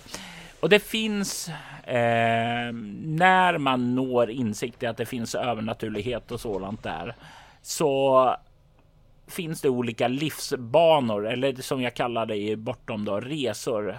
Du kan antingen bli en eh, eh avatar för någon typ av kraft. Eh, det är till exempel det som den gode Mallory är i eh, Winter Hills, även om han inte har använt så mycket av sina krafter. Vi har även esoteriker som är personer som eh, använder magi. Och eh, sedan har vi två ytterligare livsbanor som är oneironauter som är drömresenärer och eh, ja, man kan väl kalla dem för drömmagiker. Och slutligen psykonauter som är själsligt uppvaknade personer som kämpar för sin eh, själsliga insikt. Och det har man sett och, en del av i Winter Hills nu. Eh, att de här psykonauterna och euronauterna, inte euronauterna, eh, och neuronauterna, ja, alla de här olika. Ja, den enda vi egentligen eh, inte har sett användas där är ju oneiromanti, alltså det kraft som oneironauterna använder, även om Kate Robinson är en av dem. Eh, hon har ju lite grann av ett problem att använda de här krafterna för där så ligger det rotat till hennes graviditet som hon mm. inte vill använda eftersom den hämtar kraften därifrån. Men Psykonaut har vi ju sett då i den eh, goda borgmästaren då och esoteriker har vi både sett eh, Dahlia och Simone som. Eh, men i den här berättelsen så kommer vi följa tre personer som eh, eh, följer olika banor. Vi har en avatar som heter Angela som kommer spelas av Gustav Ruthgård. Sedan så kommer vi att följa Jonas Karlssons esoteriker Emma Lord och den utövar en form av magi som heter telema som eh, ni eh, hobby och kultister som mig säkerligen är bekanta med som eh, knyter tillbaka till Aleister Crowley. Mm -hmm. Ja, det har jag ingen aning om, men det ska bli spännande. Och den sista karaktären som vi kommer att följa då är en eh, bekant eh, sedan tidigare. Vi kommer att följa Diane Weilen som Maria Rutgård spelar som var 2022s Valentine avsnitt där hon var iväg med sin älskling på ett uppdrag och nu ser jag här att Magnus eh, skrattar för sig själv.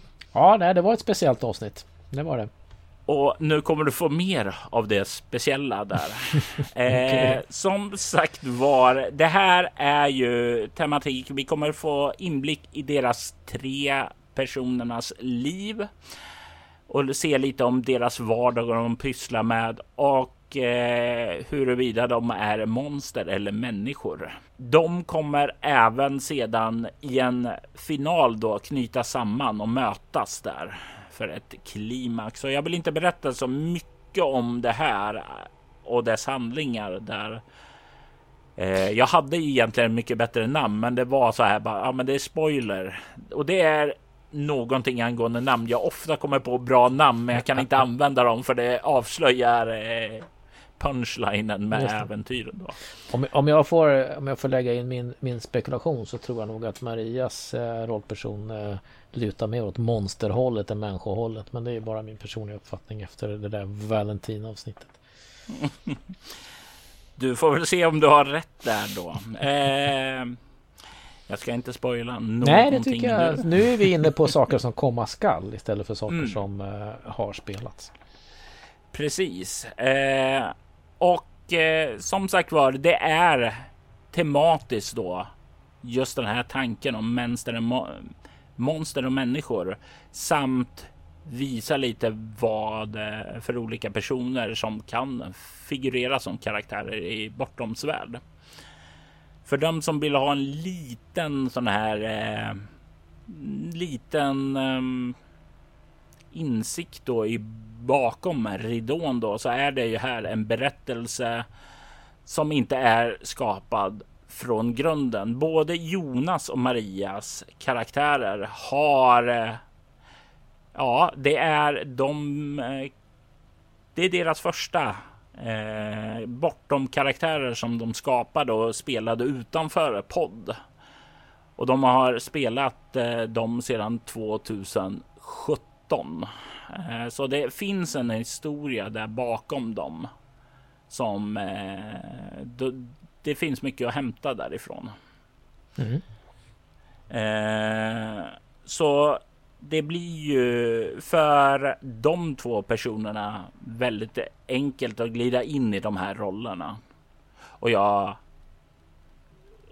både ser fram emot att bäva lite hur er lyssnare kommer att ta det här för jag har ju inte gjort det lätt för mig för jag bygger de här berättelserna lite grann på att det startar in medias res och sedan får man beta sig in i det där. För varför göra någonting lätt för mig själv? Mm. Och för er lyssnare. Ja, men det ska bli spännande. Och det hoppas jag också. Så det är det absolut första och jag kommer ju då att ha premiär för det här avsnittet. Det första avsnittet av den här arken då den 14 februari, alltså på alla hjärtans dag och då kommer vi få följa Diane Violence eh, även vidare äventyr. Två år efter hennes alla hjärtan dags avsnitt. Mm. Ja, men det blir roligt. Och det är ju roligt med återkommande personer, det tycker jag. Sen är det inte alla och... som återkommer. Det finns ju de som drunknar också. Men eh, så är det. Eh, men det är alltså det första vi ska slänga ut. Därefter så kommer vi till det som vi var inne på lite tidigare. Eh, under eh, ja, eh, förra året tror jag det var, eller för förra året. Min senildementa hjärna har väldigt enkelt att komma på alla kampanjer jag spelleder, men saker i verkliga världen glider mer samman för mig. Eh, jag kommer inte ihåg om det var 2021 eller 2022 eller vänta, 2022 eller 2023 som jag och Agnes Rudbo började att spela Vampire, The Masquerade. Eh, jag minns att du pratade om det förra året. Vet jag att du var mm. på väg att, att släppa någonting. Men då kanske mm. ni hade spelat in redan. Ja, eh, då måste ha kommit i början av 2022 i sånt fall då. För vi hade ju en julspecial eh, nu i julas då. Okay. I Valerie Chronicles feed. Och en sak jag märkte att eh, det är en massa extra jobb att driva en tredje och en fjärde och en femte extra podd för det är ju resurshantering. Alltså när jag då släppte saker i Valerie Chronicles eh, poddflöde så, så var det tomt i soloäventyret för jag har ju nu Altors vidder, soloäventyret jag har på Patreon som jag släpper och så hade jag ju tanken då på att eh, även publicera då Mutant Nova i egen feed och Valerie Chronicle. Så jag började med Valerie Chronicle sin egen feed och jag märkte att nej, eh, Patreon, Alters Vidder och soloäventyret är ungefär där som det går. Mm. Eh, vill jag lägga ner Valerie Chronicles? Nej, det vill jag inte, för jag har roligt när jag spelar med Agnes där och jag tycker det blir bra. Så när det blev dags då att släppa Mutant Nova. Jag körde ju en runda på Patreon med det först för att det skulle släppas sedan då. Eh, men jag tyckte det funkar bra att publicera allting i soloäventyrets flöde då. Så jag kommer att efter vi är klara med Monster och människor släppa säsong 1 av Valerie Chronicles i soloäventyrets flöde och plocka bort den gamla feeden då. Mm. För det ger mig lite mer andrum. Dels så kommer det avsnitt medan jag fortsätter att klippa nästa ark. Mm. Samtidigt som jag då kan börja på säsong två och börja göra i ordning den och släppa den i soloäventyrets feed utan att det kommer att vara still där. Ja, alltså för, mig som lyssnare så jag tycker ju att det är sympatiskt om det kommer i, i soläventyrets feed. För då, alltså den, då blir det som du känner, ja men nu kommer det regelbundet. Så pang, pang, pang, pang, pang. Eh, och jag slipper hålla koll på flera olika. Nu är inte det jättekrångligt för, för det är egentligen bara att prenumerera på en podd, en feed sådär. Liksom. Men samtidigt så är det liksom, ja, man ska ju komma ihåg att prenumerera på alla de här poddarna också. Ja, och jag tror Kristoffer Warnberg sa en väldigt eh, intressant sak som jag tror stämmer väldigt väl. För Altors vidder så kommer folket för spelet i sig. De kommer där för nostalgin. Medan Storlotäventyret så kommer de mer för dig, Robert. Mm. Eh, och det stämmer väl. Och ser man eh, som så på uh, lyssnarstatistiken så har ju Valerie Chronicles i sin egen feed en väldigt låg där, för jag har inte orken att promota det, hitta nya ställen och sådant där. Ja. Eh, och det är ju ett arbete i sig som om du ska bli stor, måste du göra det. Du måste få ut det där och sådant där. Eh, så det känns som om jag kan slippa allt det här extra arbetet som det innebär så känns det som en stor vinst att ha det i soloäventyret. Så det är en liten ändrad eh, del av min strategi att eh, låta det vara andra eh, ja, rollspel än bara mina egna där. Mm. Men hur känns det då? Känns det som att du tappar för att, för att soloäventyret eh, var, kom väl till för att showcasea dina spel? Ja, de eh, spelen som jag nu inte har släppt på några år ja. då eftersom jag har haft ett uppehåll i skrivande. Mycket för att när eh, min eh, mor gick bort så gick orken ut och mm. jag förlorade mycket lusten att skriva då. Och det är först nu på senare tid som det har kommit tillbaka och jag börjat ta tag i saker och så där. Så det har inte funnits något sådär showcase. Men det är intressant att du tar upp den här frågan. Vi kommer att tala någonting eh, under framtida projekt som heter Döda världar och eh, vi kan återkomma till eh, tankarna där för det finns ju definitivt några kopplingar mellan de här sakerna som jag gör till det övergripande mytositet bortom också på ett sätt. Mm. Spännande. Eh, vad är din erfarenhet av Vampire the Masquerade? Är det något du är bekant med överhuvudtaget? Jag har spelat lite grann av Vampire the Masquerade, inte jättemycket. Eh, jag har eh, läst reglerna Eh, men jag har egentligen bara första regelboken där. Eh, och ja, några äventyr har jag spelat. Men de har inte varit så här klassiska Vampire-äventyr med intriger och sådana saker. Utan det är eh, det, har jag spelat i Ars Magica som är ett liknande system. Alltså tärningar, tio, mm. tiosidiga. Sådär. Det var ju samma makare i Hagen som gjorde båda tror jag. Uh, ja. Så jag är ju så att säga bekant med idén och tanken men jag har inte spelat det. Och jag, jag minns att jag tyckte det var svårt. För att oavsett hur hänsynslös Mallory kan vara ibland så är jag, Magnus, inte så himla hänsynslös. Jag har svårt att spela mörka eh, rollpersoner. Helt enkelt.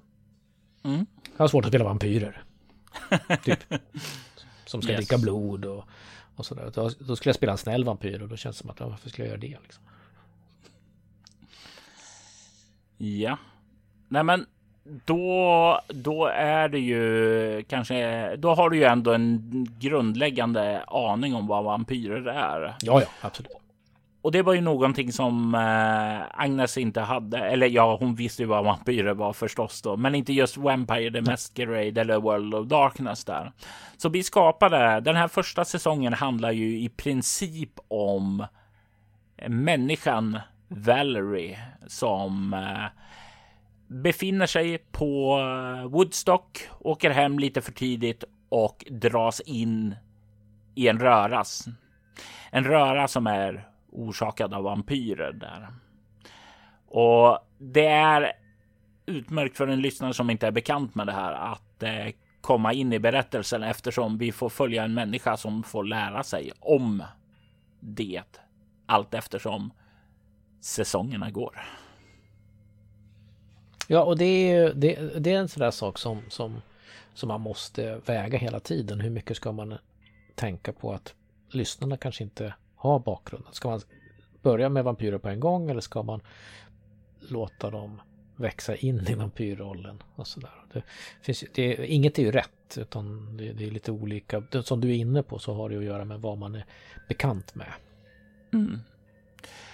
Och jag hade ju en tanke specifikt om det här för ofta i vampyrberättelser så är det ju någonting eh, romantiskt över invigandet. Det ses som något positivt och ja, du blir bättre och det är så vackert och ja, du dör, men det är ofta så här romantiska undertoner kring mm. det, att du blir bättre.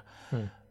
Eh, och så är det inte alltid. Jag, jag hade en eh, pitch till Agnes som var att eh, det här är en berättelse som kommer eh, skildra det vedervärdiga och vidriga i eh, andras maktspel. Ja. Och hon sa det låter kul, kör på det. och sedan så har ju hon hjälpt mig att pusha mig ännu värre fram ju längre vi åker. För Agnes gillar att utforska mörkare teman och sådant där. Och det är väldigt roligt då. Så det finns ju en stor fet varningsstämpel över hela säsongen att eh, det här är kanske inte något för den kräsmagade. Nej. Men allt sker med värme och medmänskligt eh, återkopplande till varandra.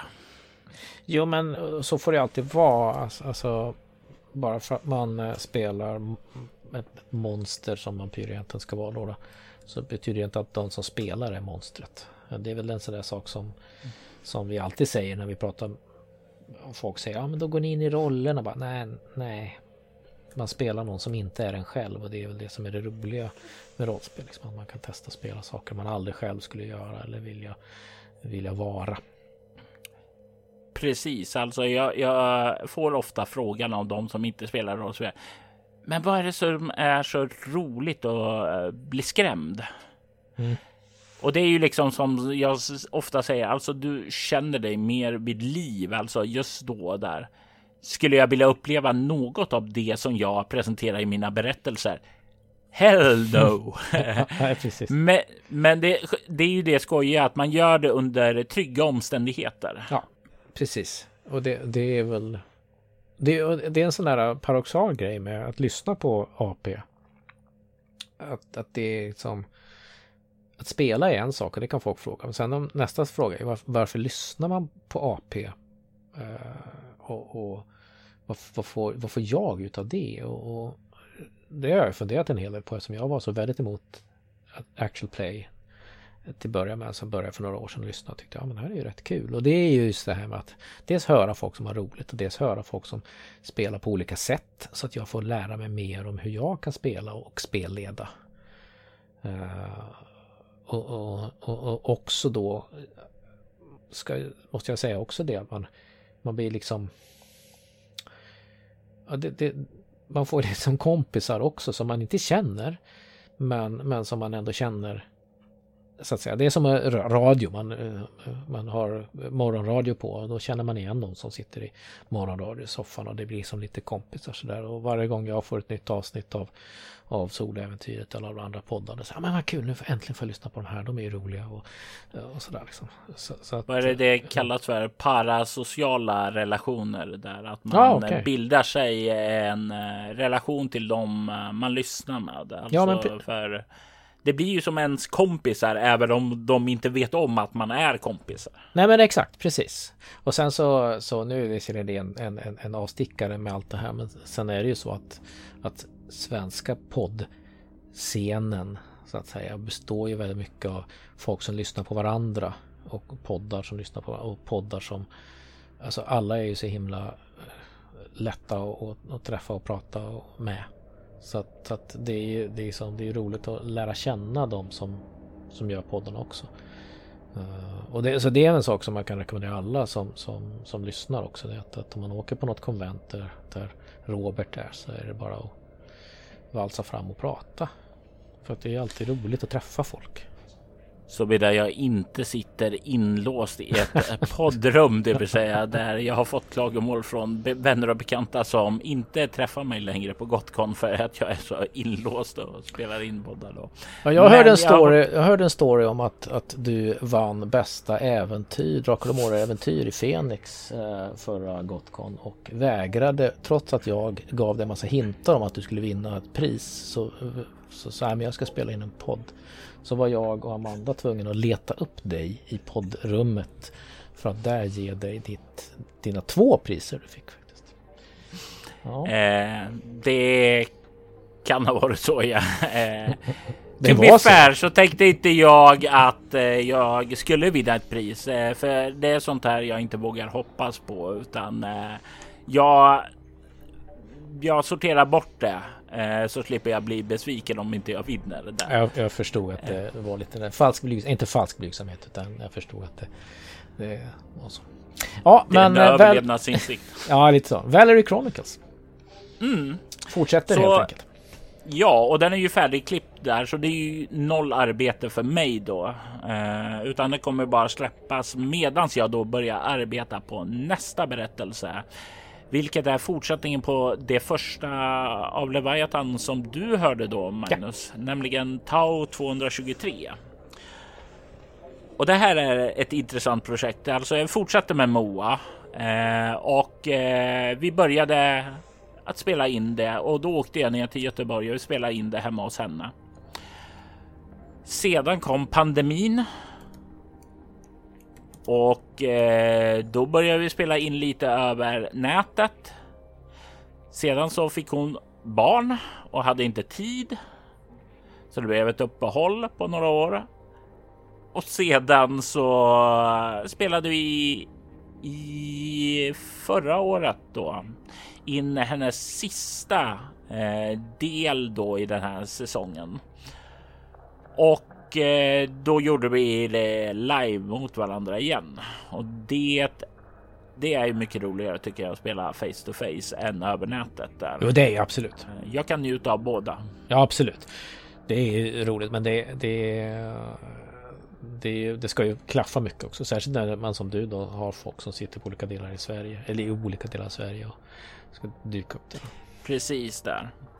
Och sen så spelade jag in eh, avslutande delen av säsongen på Gothcon med eh, Mikael Fryksäter som ni eh, kunna, kan höra i Mindy bräd rollspelspodd och sedan Einar Robillard som under många år var ansvarig för Gothcons eh, rollspelsarrangemang.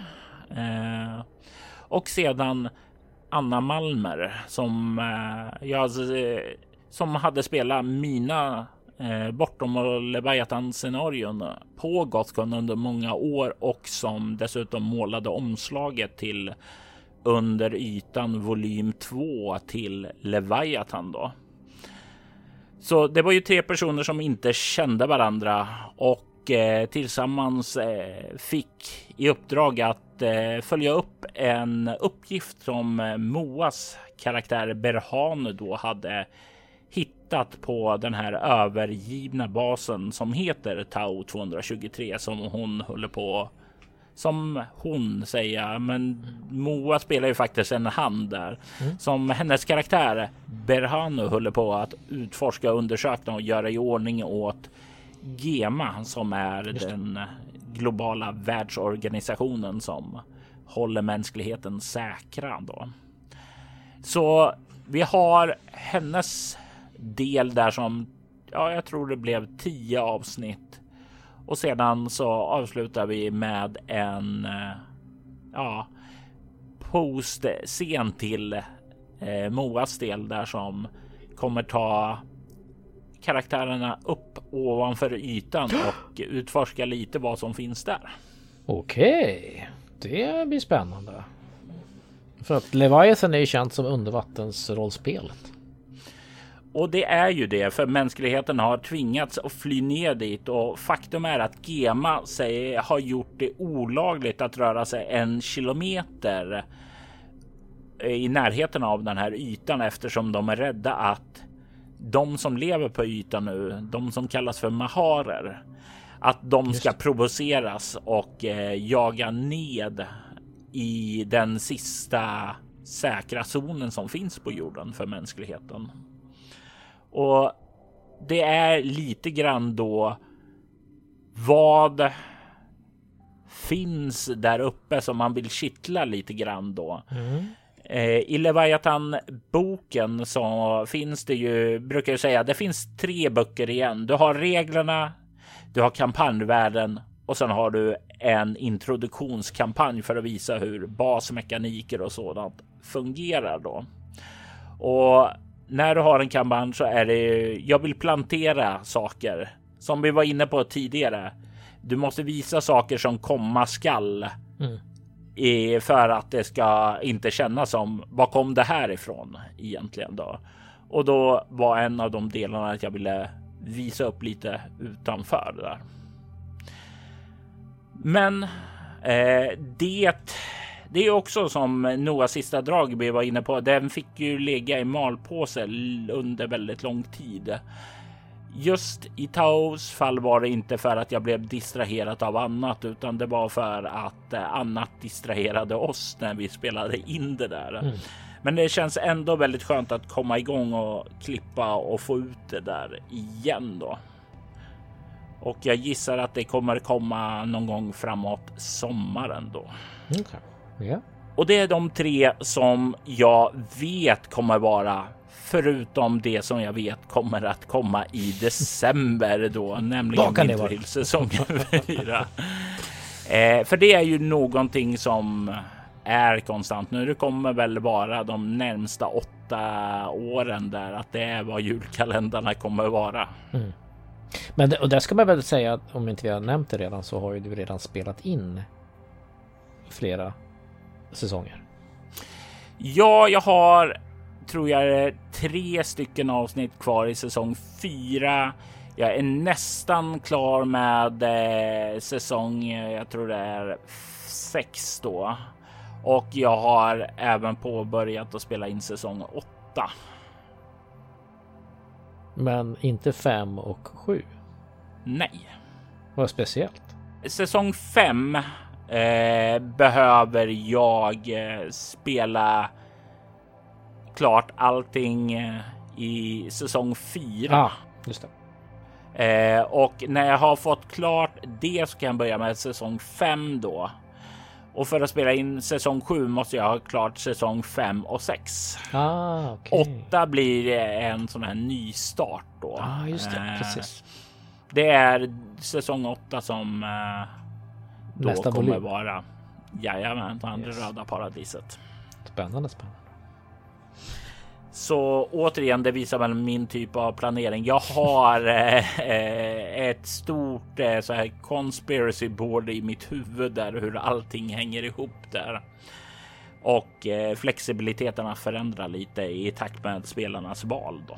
Jo, och det är viktigt att, komma ihåg det, liksom att det är ju ändå rollspel så att det är inte så att alla bara upplever din story utan det finns en övergripande story och sen så vad som händer med den beror ju på vad rollpersonerna gör. Jag har varit med om spelledare som bara vill berätta sin story och det blir aldrig bra för då blir den väldigt, väldigt oflexibel mm. med mm. spelarinput och det gör ju att jag är väldigt noga med att försöka påverka det och även ha ramen så lös att ja, men om det, du går bananas eller du dör eller du inte längre vill vara med, ja, men då kan man skriva ut det utan allting fallerar.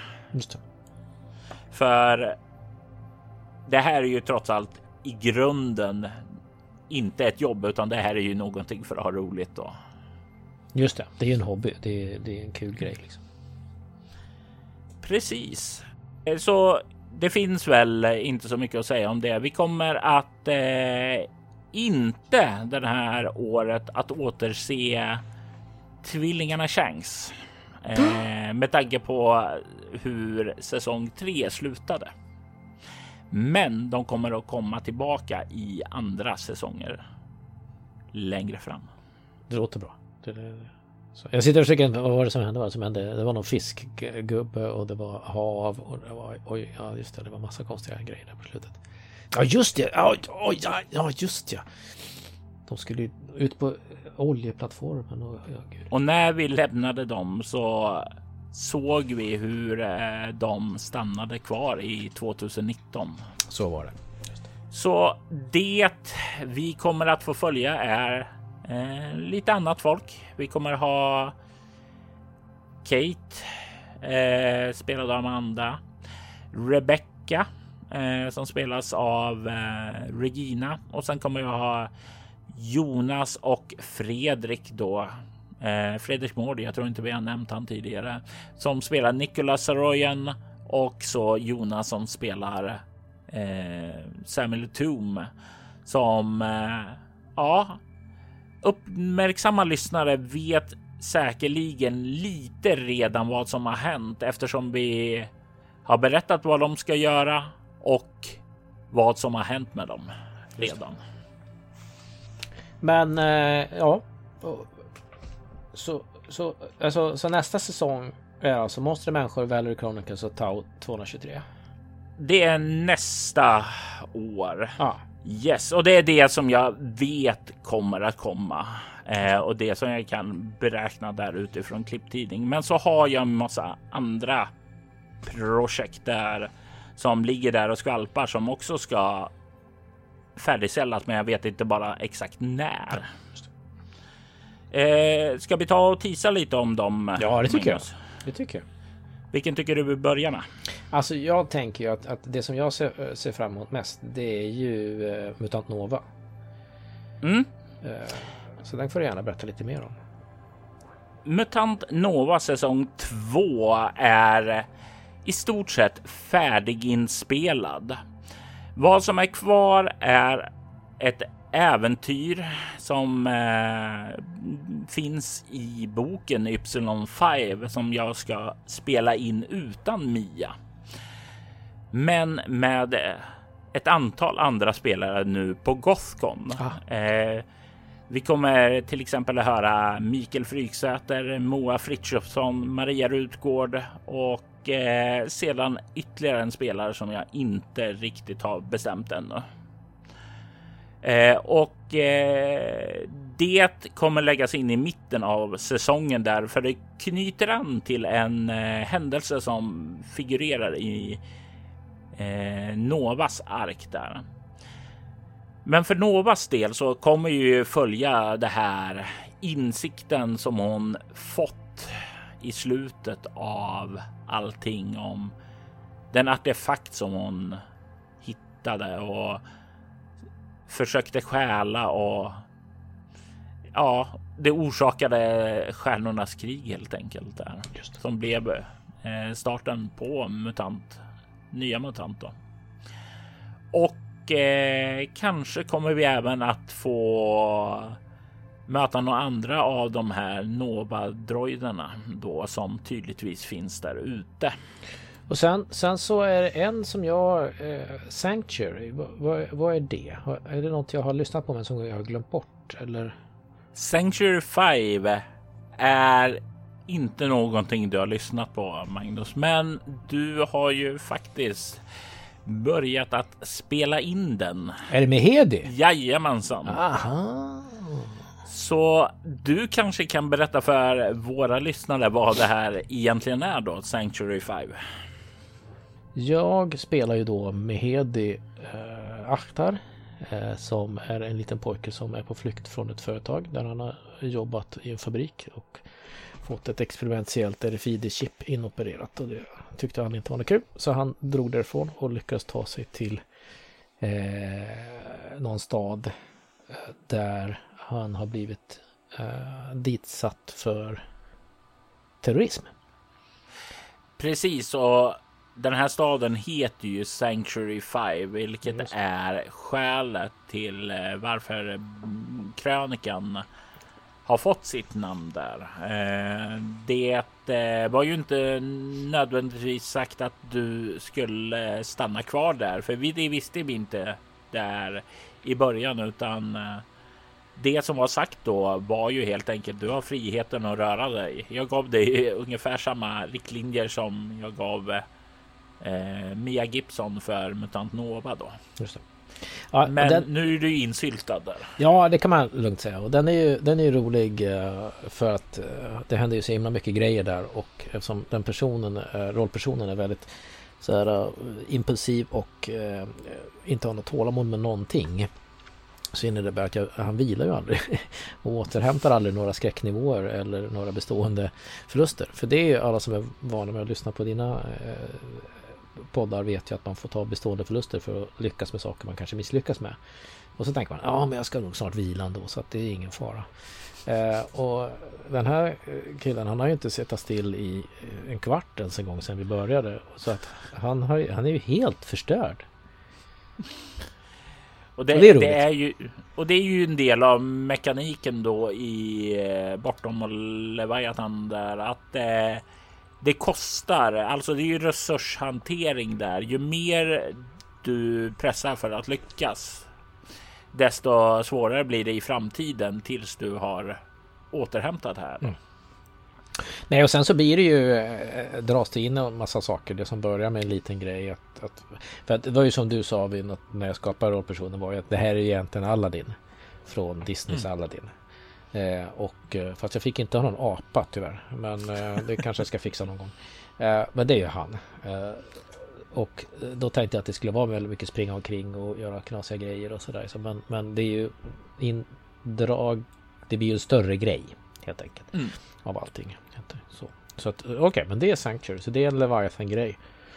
Uh, Precis. Spännande. Mm. Eh, nästa sak jag då vill också ta upp är att eh, jag kommer att börja arbeta på säsong 3 av Noahs sista drag också. Eh, kanske inte så troligt att jag hinner klart med det i år, utan det är väl kanske mer troligt för nästa år. Och det är en berättelse som fortsätter Agent Greg Bartons eh, utredningar. Han kommer få bege sig ner till San Sebastian trakten för att utreda ett fall kring ett UFO som har synts där i trakten. Och Fate vill veta vad det egentligen är för UFOn finns ju inte. Okej, okay. spännande. Det är också roligt just San Sebastian dyker upp igen. Som stad, som plats. Jag gillar det. Jag tycker det är kul. Jag brukar säga att det finns tre städer i bortom som eh, har väldigt mycket historia kring sig. Det är San Sebastian som eh, har dykt upp ett par gånger i soloäventyret. Vi har även eh, Vinetka som finns i Winterhill som vi får höra årligen om. Och sen har vi en stad som heter Danforth som eh, vi faktiskt har bara varit i eh, begravd.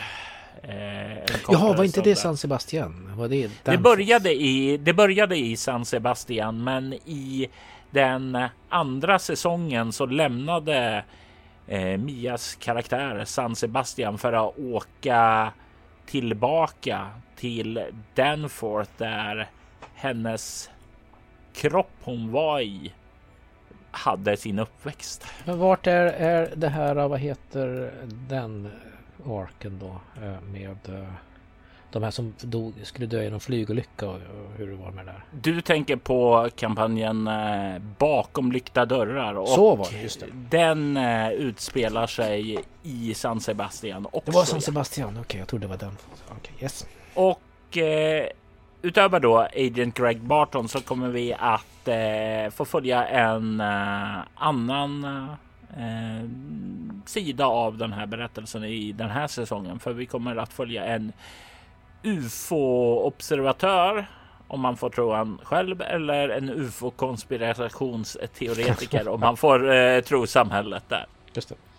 Och den här rollen då kommer spelas av en eh, man som heter Robin Johansson. En eh, person som jag har lärt känna här i Örebro då som inte hörts i någon podd tidigare.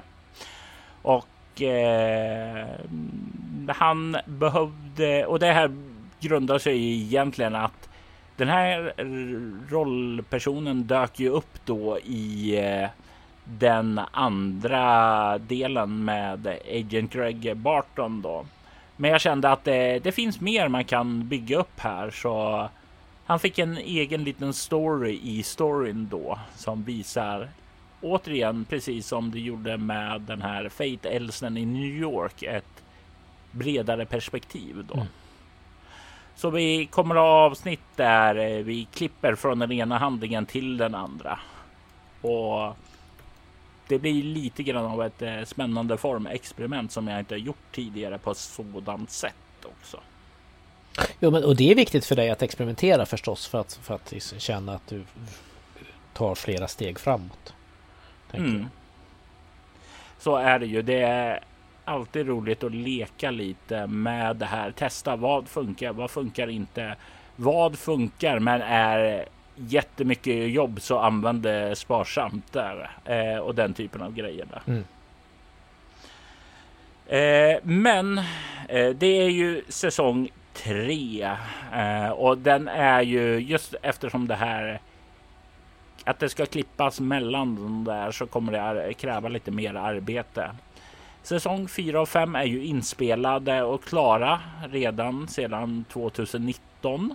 Eh, så de är ju mer straightforward då, så de kommer ta kortare tid att klippa. Men eh, det är en bit kvar där. Det är säsong 3 som jag bävat mig mest för att behöva klippa just eftersom jag har byggt upp det i en annan dramaturgisk struktur då. Mm. Vad tar vi sen? Ja, sen är det ju eh, Skuggstaten som det varit ett tag sedan vi träffade. Jajamensan, och eh, där är det ju säsong två som eh, eh, ska klippas och tacklas där. Och jag har ju gjort som så att vi har de olika karaktärerna som introduceras i eh, första säsongen. Vi har Agnes Rudbo, vi har Gustav Rutgård, vi har Jörgen Niemi, Mikael Fryksäter, Maja Sogard eh, Widenberg. Eh, vi har Emily Drotz och eh, Christer Svanlund som eh, spelar olika roller där. Och eh, en del har tussats ihop. En del är ute och gör uppdrag runt om i världen för att undersöka vad den här globala terroristhandlingen som skedde i Mellanöstern när ett flertal atombomber smällde av och jämnade Mellanöstern med mm. radioaktiv mark. Usch. Och det här är ju en berättelse som är Eh, ja, det var ett tag sedan nu vi spelade in här, eh, men i stort sett hela säsong två är klar och det är bara klippningen där och det är en del små scener som ska klippas och sammanfogas här likt eh, grann i samma stuk som Noahs sista drag säsong 3 också där. Så det är lite pusslande där som ska göras också. Eh, också ett skäl till varför den har dröjt lite. Eh, jag inser ju nu när jag tar de här två i rad att jag har många bra idéer och sen blir det jobbigt att göra dem sedan där och då hamnar de lite på backburner då. Men det är en säsong som känns som att det har mycket, mycket bra drama där, så jag mm. ser fram emot att få den klar då. För alla som gillar blandningen av konspirationer, konstigheter, kamratskap och eh, krossade familjerelationer som sakta börjar byggas upp igen eh, så har ni mycket att hämta där. Och nu inser jag också att jag glömde nämna en av spelare. Amanda Stenback spelar ju Kelly Hawthorne som ni har hört som vuxen i Tau 223. Mm. Hon spelar ju den unga Laurie här som är barn till eh, Agnes och Jörgens karaktär där. Så det finns lite familjerelationsdrama där också. Det var kul. Eh, Amanda hör man ju mer av på olika andra ställen också, så det, det är alltid kul tycker jag. Amanda är en fantastiskt trevlig person att samarbeta med som så många andra som ni hör i mina poddar. Jag gillar ju att återanvända spelare som jag tycker är roliga att spela med. Och det blir roligt för oss också att få höra bekanta röster i nya roller. Tycker jag i alla fall. Mm. Ja, det är skönt att höra. Eh, ska bli roligt för lyssnarna att höra dig som en uh, ung uh, eh, 15-årig sci-fi Aladdin. ja, just det. Uh, jag sa vid något tillfälle sa jag det att, att du har lyckats träffa in de fyra personligheter jag har. Det är, det är Mallory, det är Mo, det är Mehedi och Oh. Arn. Arn. Stackars Arn, just det. Men jag har, nu har jag snart, jag har inga fler att, att ta. nu blir det variationer på dem. Nej men eh, det, det ska bli kul och, och Skuggstaten är ett stort världsbygge också. Eh, så att det tycker jag är spännande att få. På samma sätt som, som du gör med Bortom och Winter Hills och alla de andra grejerna med Noah sista draget. Så att du bygger ihop världen. Att man får liksom, ja men här är det, här är det, här är det. Och så känner man igen saker från andra olika poddar och avsnitt. Sådär. Så det tycker jag ska bli jätteroligt. Sen har ju du pratat, du nämnde den här döda världar tidigt i dag. Ja, och jag nämnde den faktiskt också i outro till en tidigare julkalender att den skulle ha kommit 2023, vilket inte blev fallet där utan eh, det är ju en sak som eh, knyter ihop två andra trådar. Dels i Woodtors spelade Amanda, en eh, rollperson som eh, blev fast i eh, ett klocktorn och maldes sönder till döden där. Ja, just ja. Oh, det var läskigt. Uh, uh, Hon och jag har spelat en berättelse med den här karaktären som kallas för Skärselden och den finns bara på Patreon. Det handlar om hennes vistelse i skärselden som tar formen av ett tåg. Ett tåg utan eh, klar destination som bara åker framåt. En tåg där man upplever livsskärvor, det vill säga andra personers öden, samtidigt som Amanda då eh, betar av sitt eget trauma och sitt eh, ja, sitt skäl till varför hon inte har passerat vidare utan är fast här. Just det. Och det var en berättelse där som vi har spelat det ja, i tre delar kan man säga.